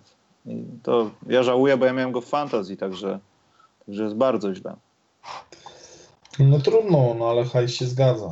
Hajs Dobrze, Seba, y, kończąc temat draftowy, tak przerobiłeś czternastkę. Powiedz, czy jest poza tym jakiś koń gdzieś w drugiej rundzie, w krzakach schowany, że weźcie mnie, weźcie mnie, albo jak Jonathan Simmons, dam 150 dolarów, żeby być na waszym workaucie, a potem będę dankował nad Lebronem. Ale co, w sensie w drugiej rundzie? W całym drafcie. W pierwszej, pod koniec może być poza loterią, wiesz ktoś, kto ma opinię gościa, który chleje non-stop, a będzie świetnym koszykarzem, wiesz, jacyś tacy ludzie. Czy ich nie znaczy, ma po prostu? Znaczy wiesz co, na pewno gdzieś tam ja kciuki trzymam za Kaję i Tomasa z Creighton, bo mhm. to też może być, wiesz, gracz pokroju 3D taki 3D taki dobry na, na pozycję nawet, który będzie mógł bronić pozycję 1-3, e, na pewno, nie wiem, w zależności do jakiego miejsca trafi, ale Jalen Branson no, z, z Villanowy który też, też tam dopiero niedawno wskoczył do pierwszej rundy w tych mokach, co jest dziwne, no bo facet zgarnął wszystkie statuetki na najlepszego gracza roku. No na pewno Mo Wagner, tak, to bardziej za, za, za 2-3 lata bym się tutaj skłaniał, że e, no i bardzo chciałbym, żeby trafił do Dallas, no, bo, bo to, jest, to jest prospekt, który, który przy, przy, przy, wiesz, przy pracy z takim Dirkiem Nowickim mógłby naprawdę być mega, mega przydatnym graczem, tym bardziej, że jest e, że jest fajnym, e, fajnym walczakiem. No, ciekawe, co będzie z Brandonem McCoyem też e, z UNLV, który, którego akcje mega, mega, mega spadły, ale no jest to jakiś tam powiedzmy, znaczy nie wiem, czy to teraz dobrze po tym, co się działo w Miami, ale jest to jakiś tam zalążek Hasana Whiteside'a w nim. No i co? No i chyba wszystko. No co? Kostas Antetokounmpo jest top 60. Nie wiem dlaczego w ogóle jest w top 60 draftu w mokach. Nie rozumiem tego, ale nazwiska chyba też robią swoje. E, a tak to co? A tak to chyba, chyba nic. No nie wiem, może Malik Newman, może o Hamidou Diallo, który gdzieś tam też, też spadł, kurczę, dość, dość, dość, dość nieoczekiwanie e, mimo hypu w tamtym roku. Yy, no ale to też jest gracz, który już mógłby pomagać gdzieś tam na, na, na, na pozycjach 1-2. No wiesz, to wszystko, to wszystko zależy od tego właśnie, tak jak mówiłem, gdzie się trafi i, i, do, jakiego, do jakiego systemu będziesz, no tak no de facto też no, przymuszany z racji wykonywania swojego zawodu koszykarza, do jakiego systemu będziesz przymuszany, żeby w nim, e, w nim grać i jak się odnajdziesz, czy, czy, czy będziesz zamknięty gdzieś tam w czeluściach, czy, czy będziesz grał swoje, Mm, no co, na pewno jeszcze Anferni Simons. To jest w ogóle ciekawy prospekt, Anferni Simons. To jest gość, który miał iść do koledżu, ale nie poszedł, gdzieś tam to wszystko pokończył wcześniej, tak jak Tom Maker i tak dalej. E, no i co? I, I, tak naprawdę to jest de facto gość po high schoolu, tak? Tylko, że no, no, no już co, no skończone 19 lat tam będzie chyba.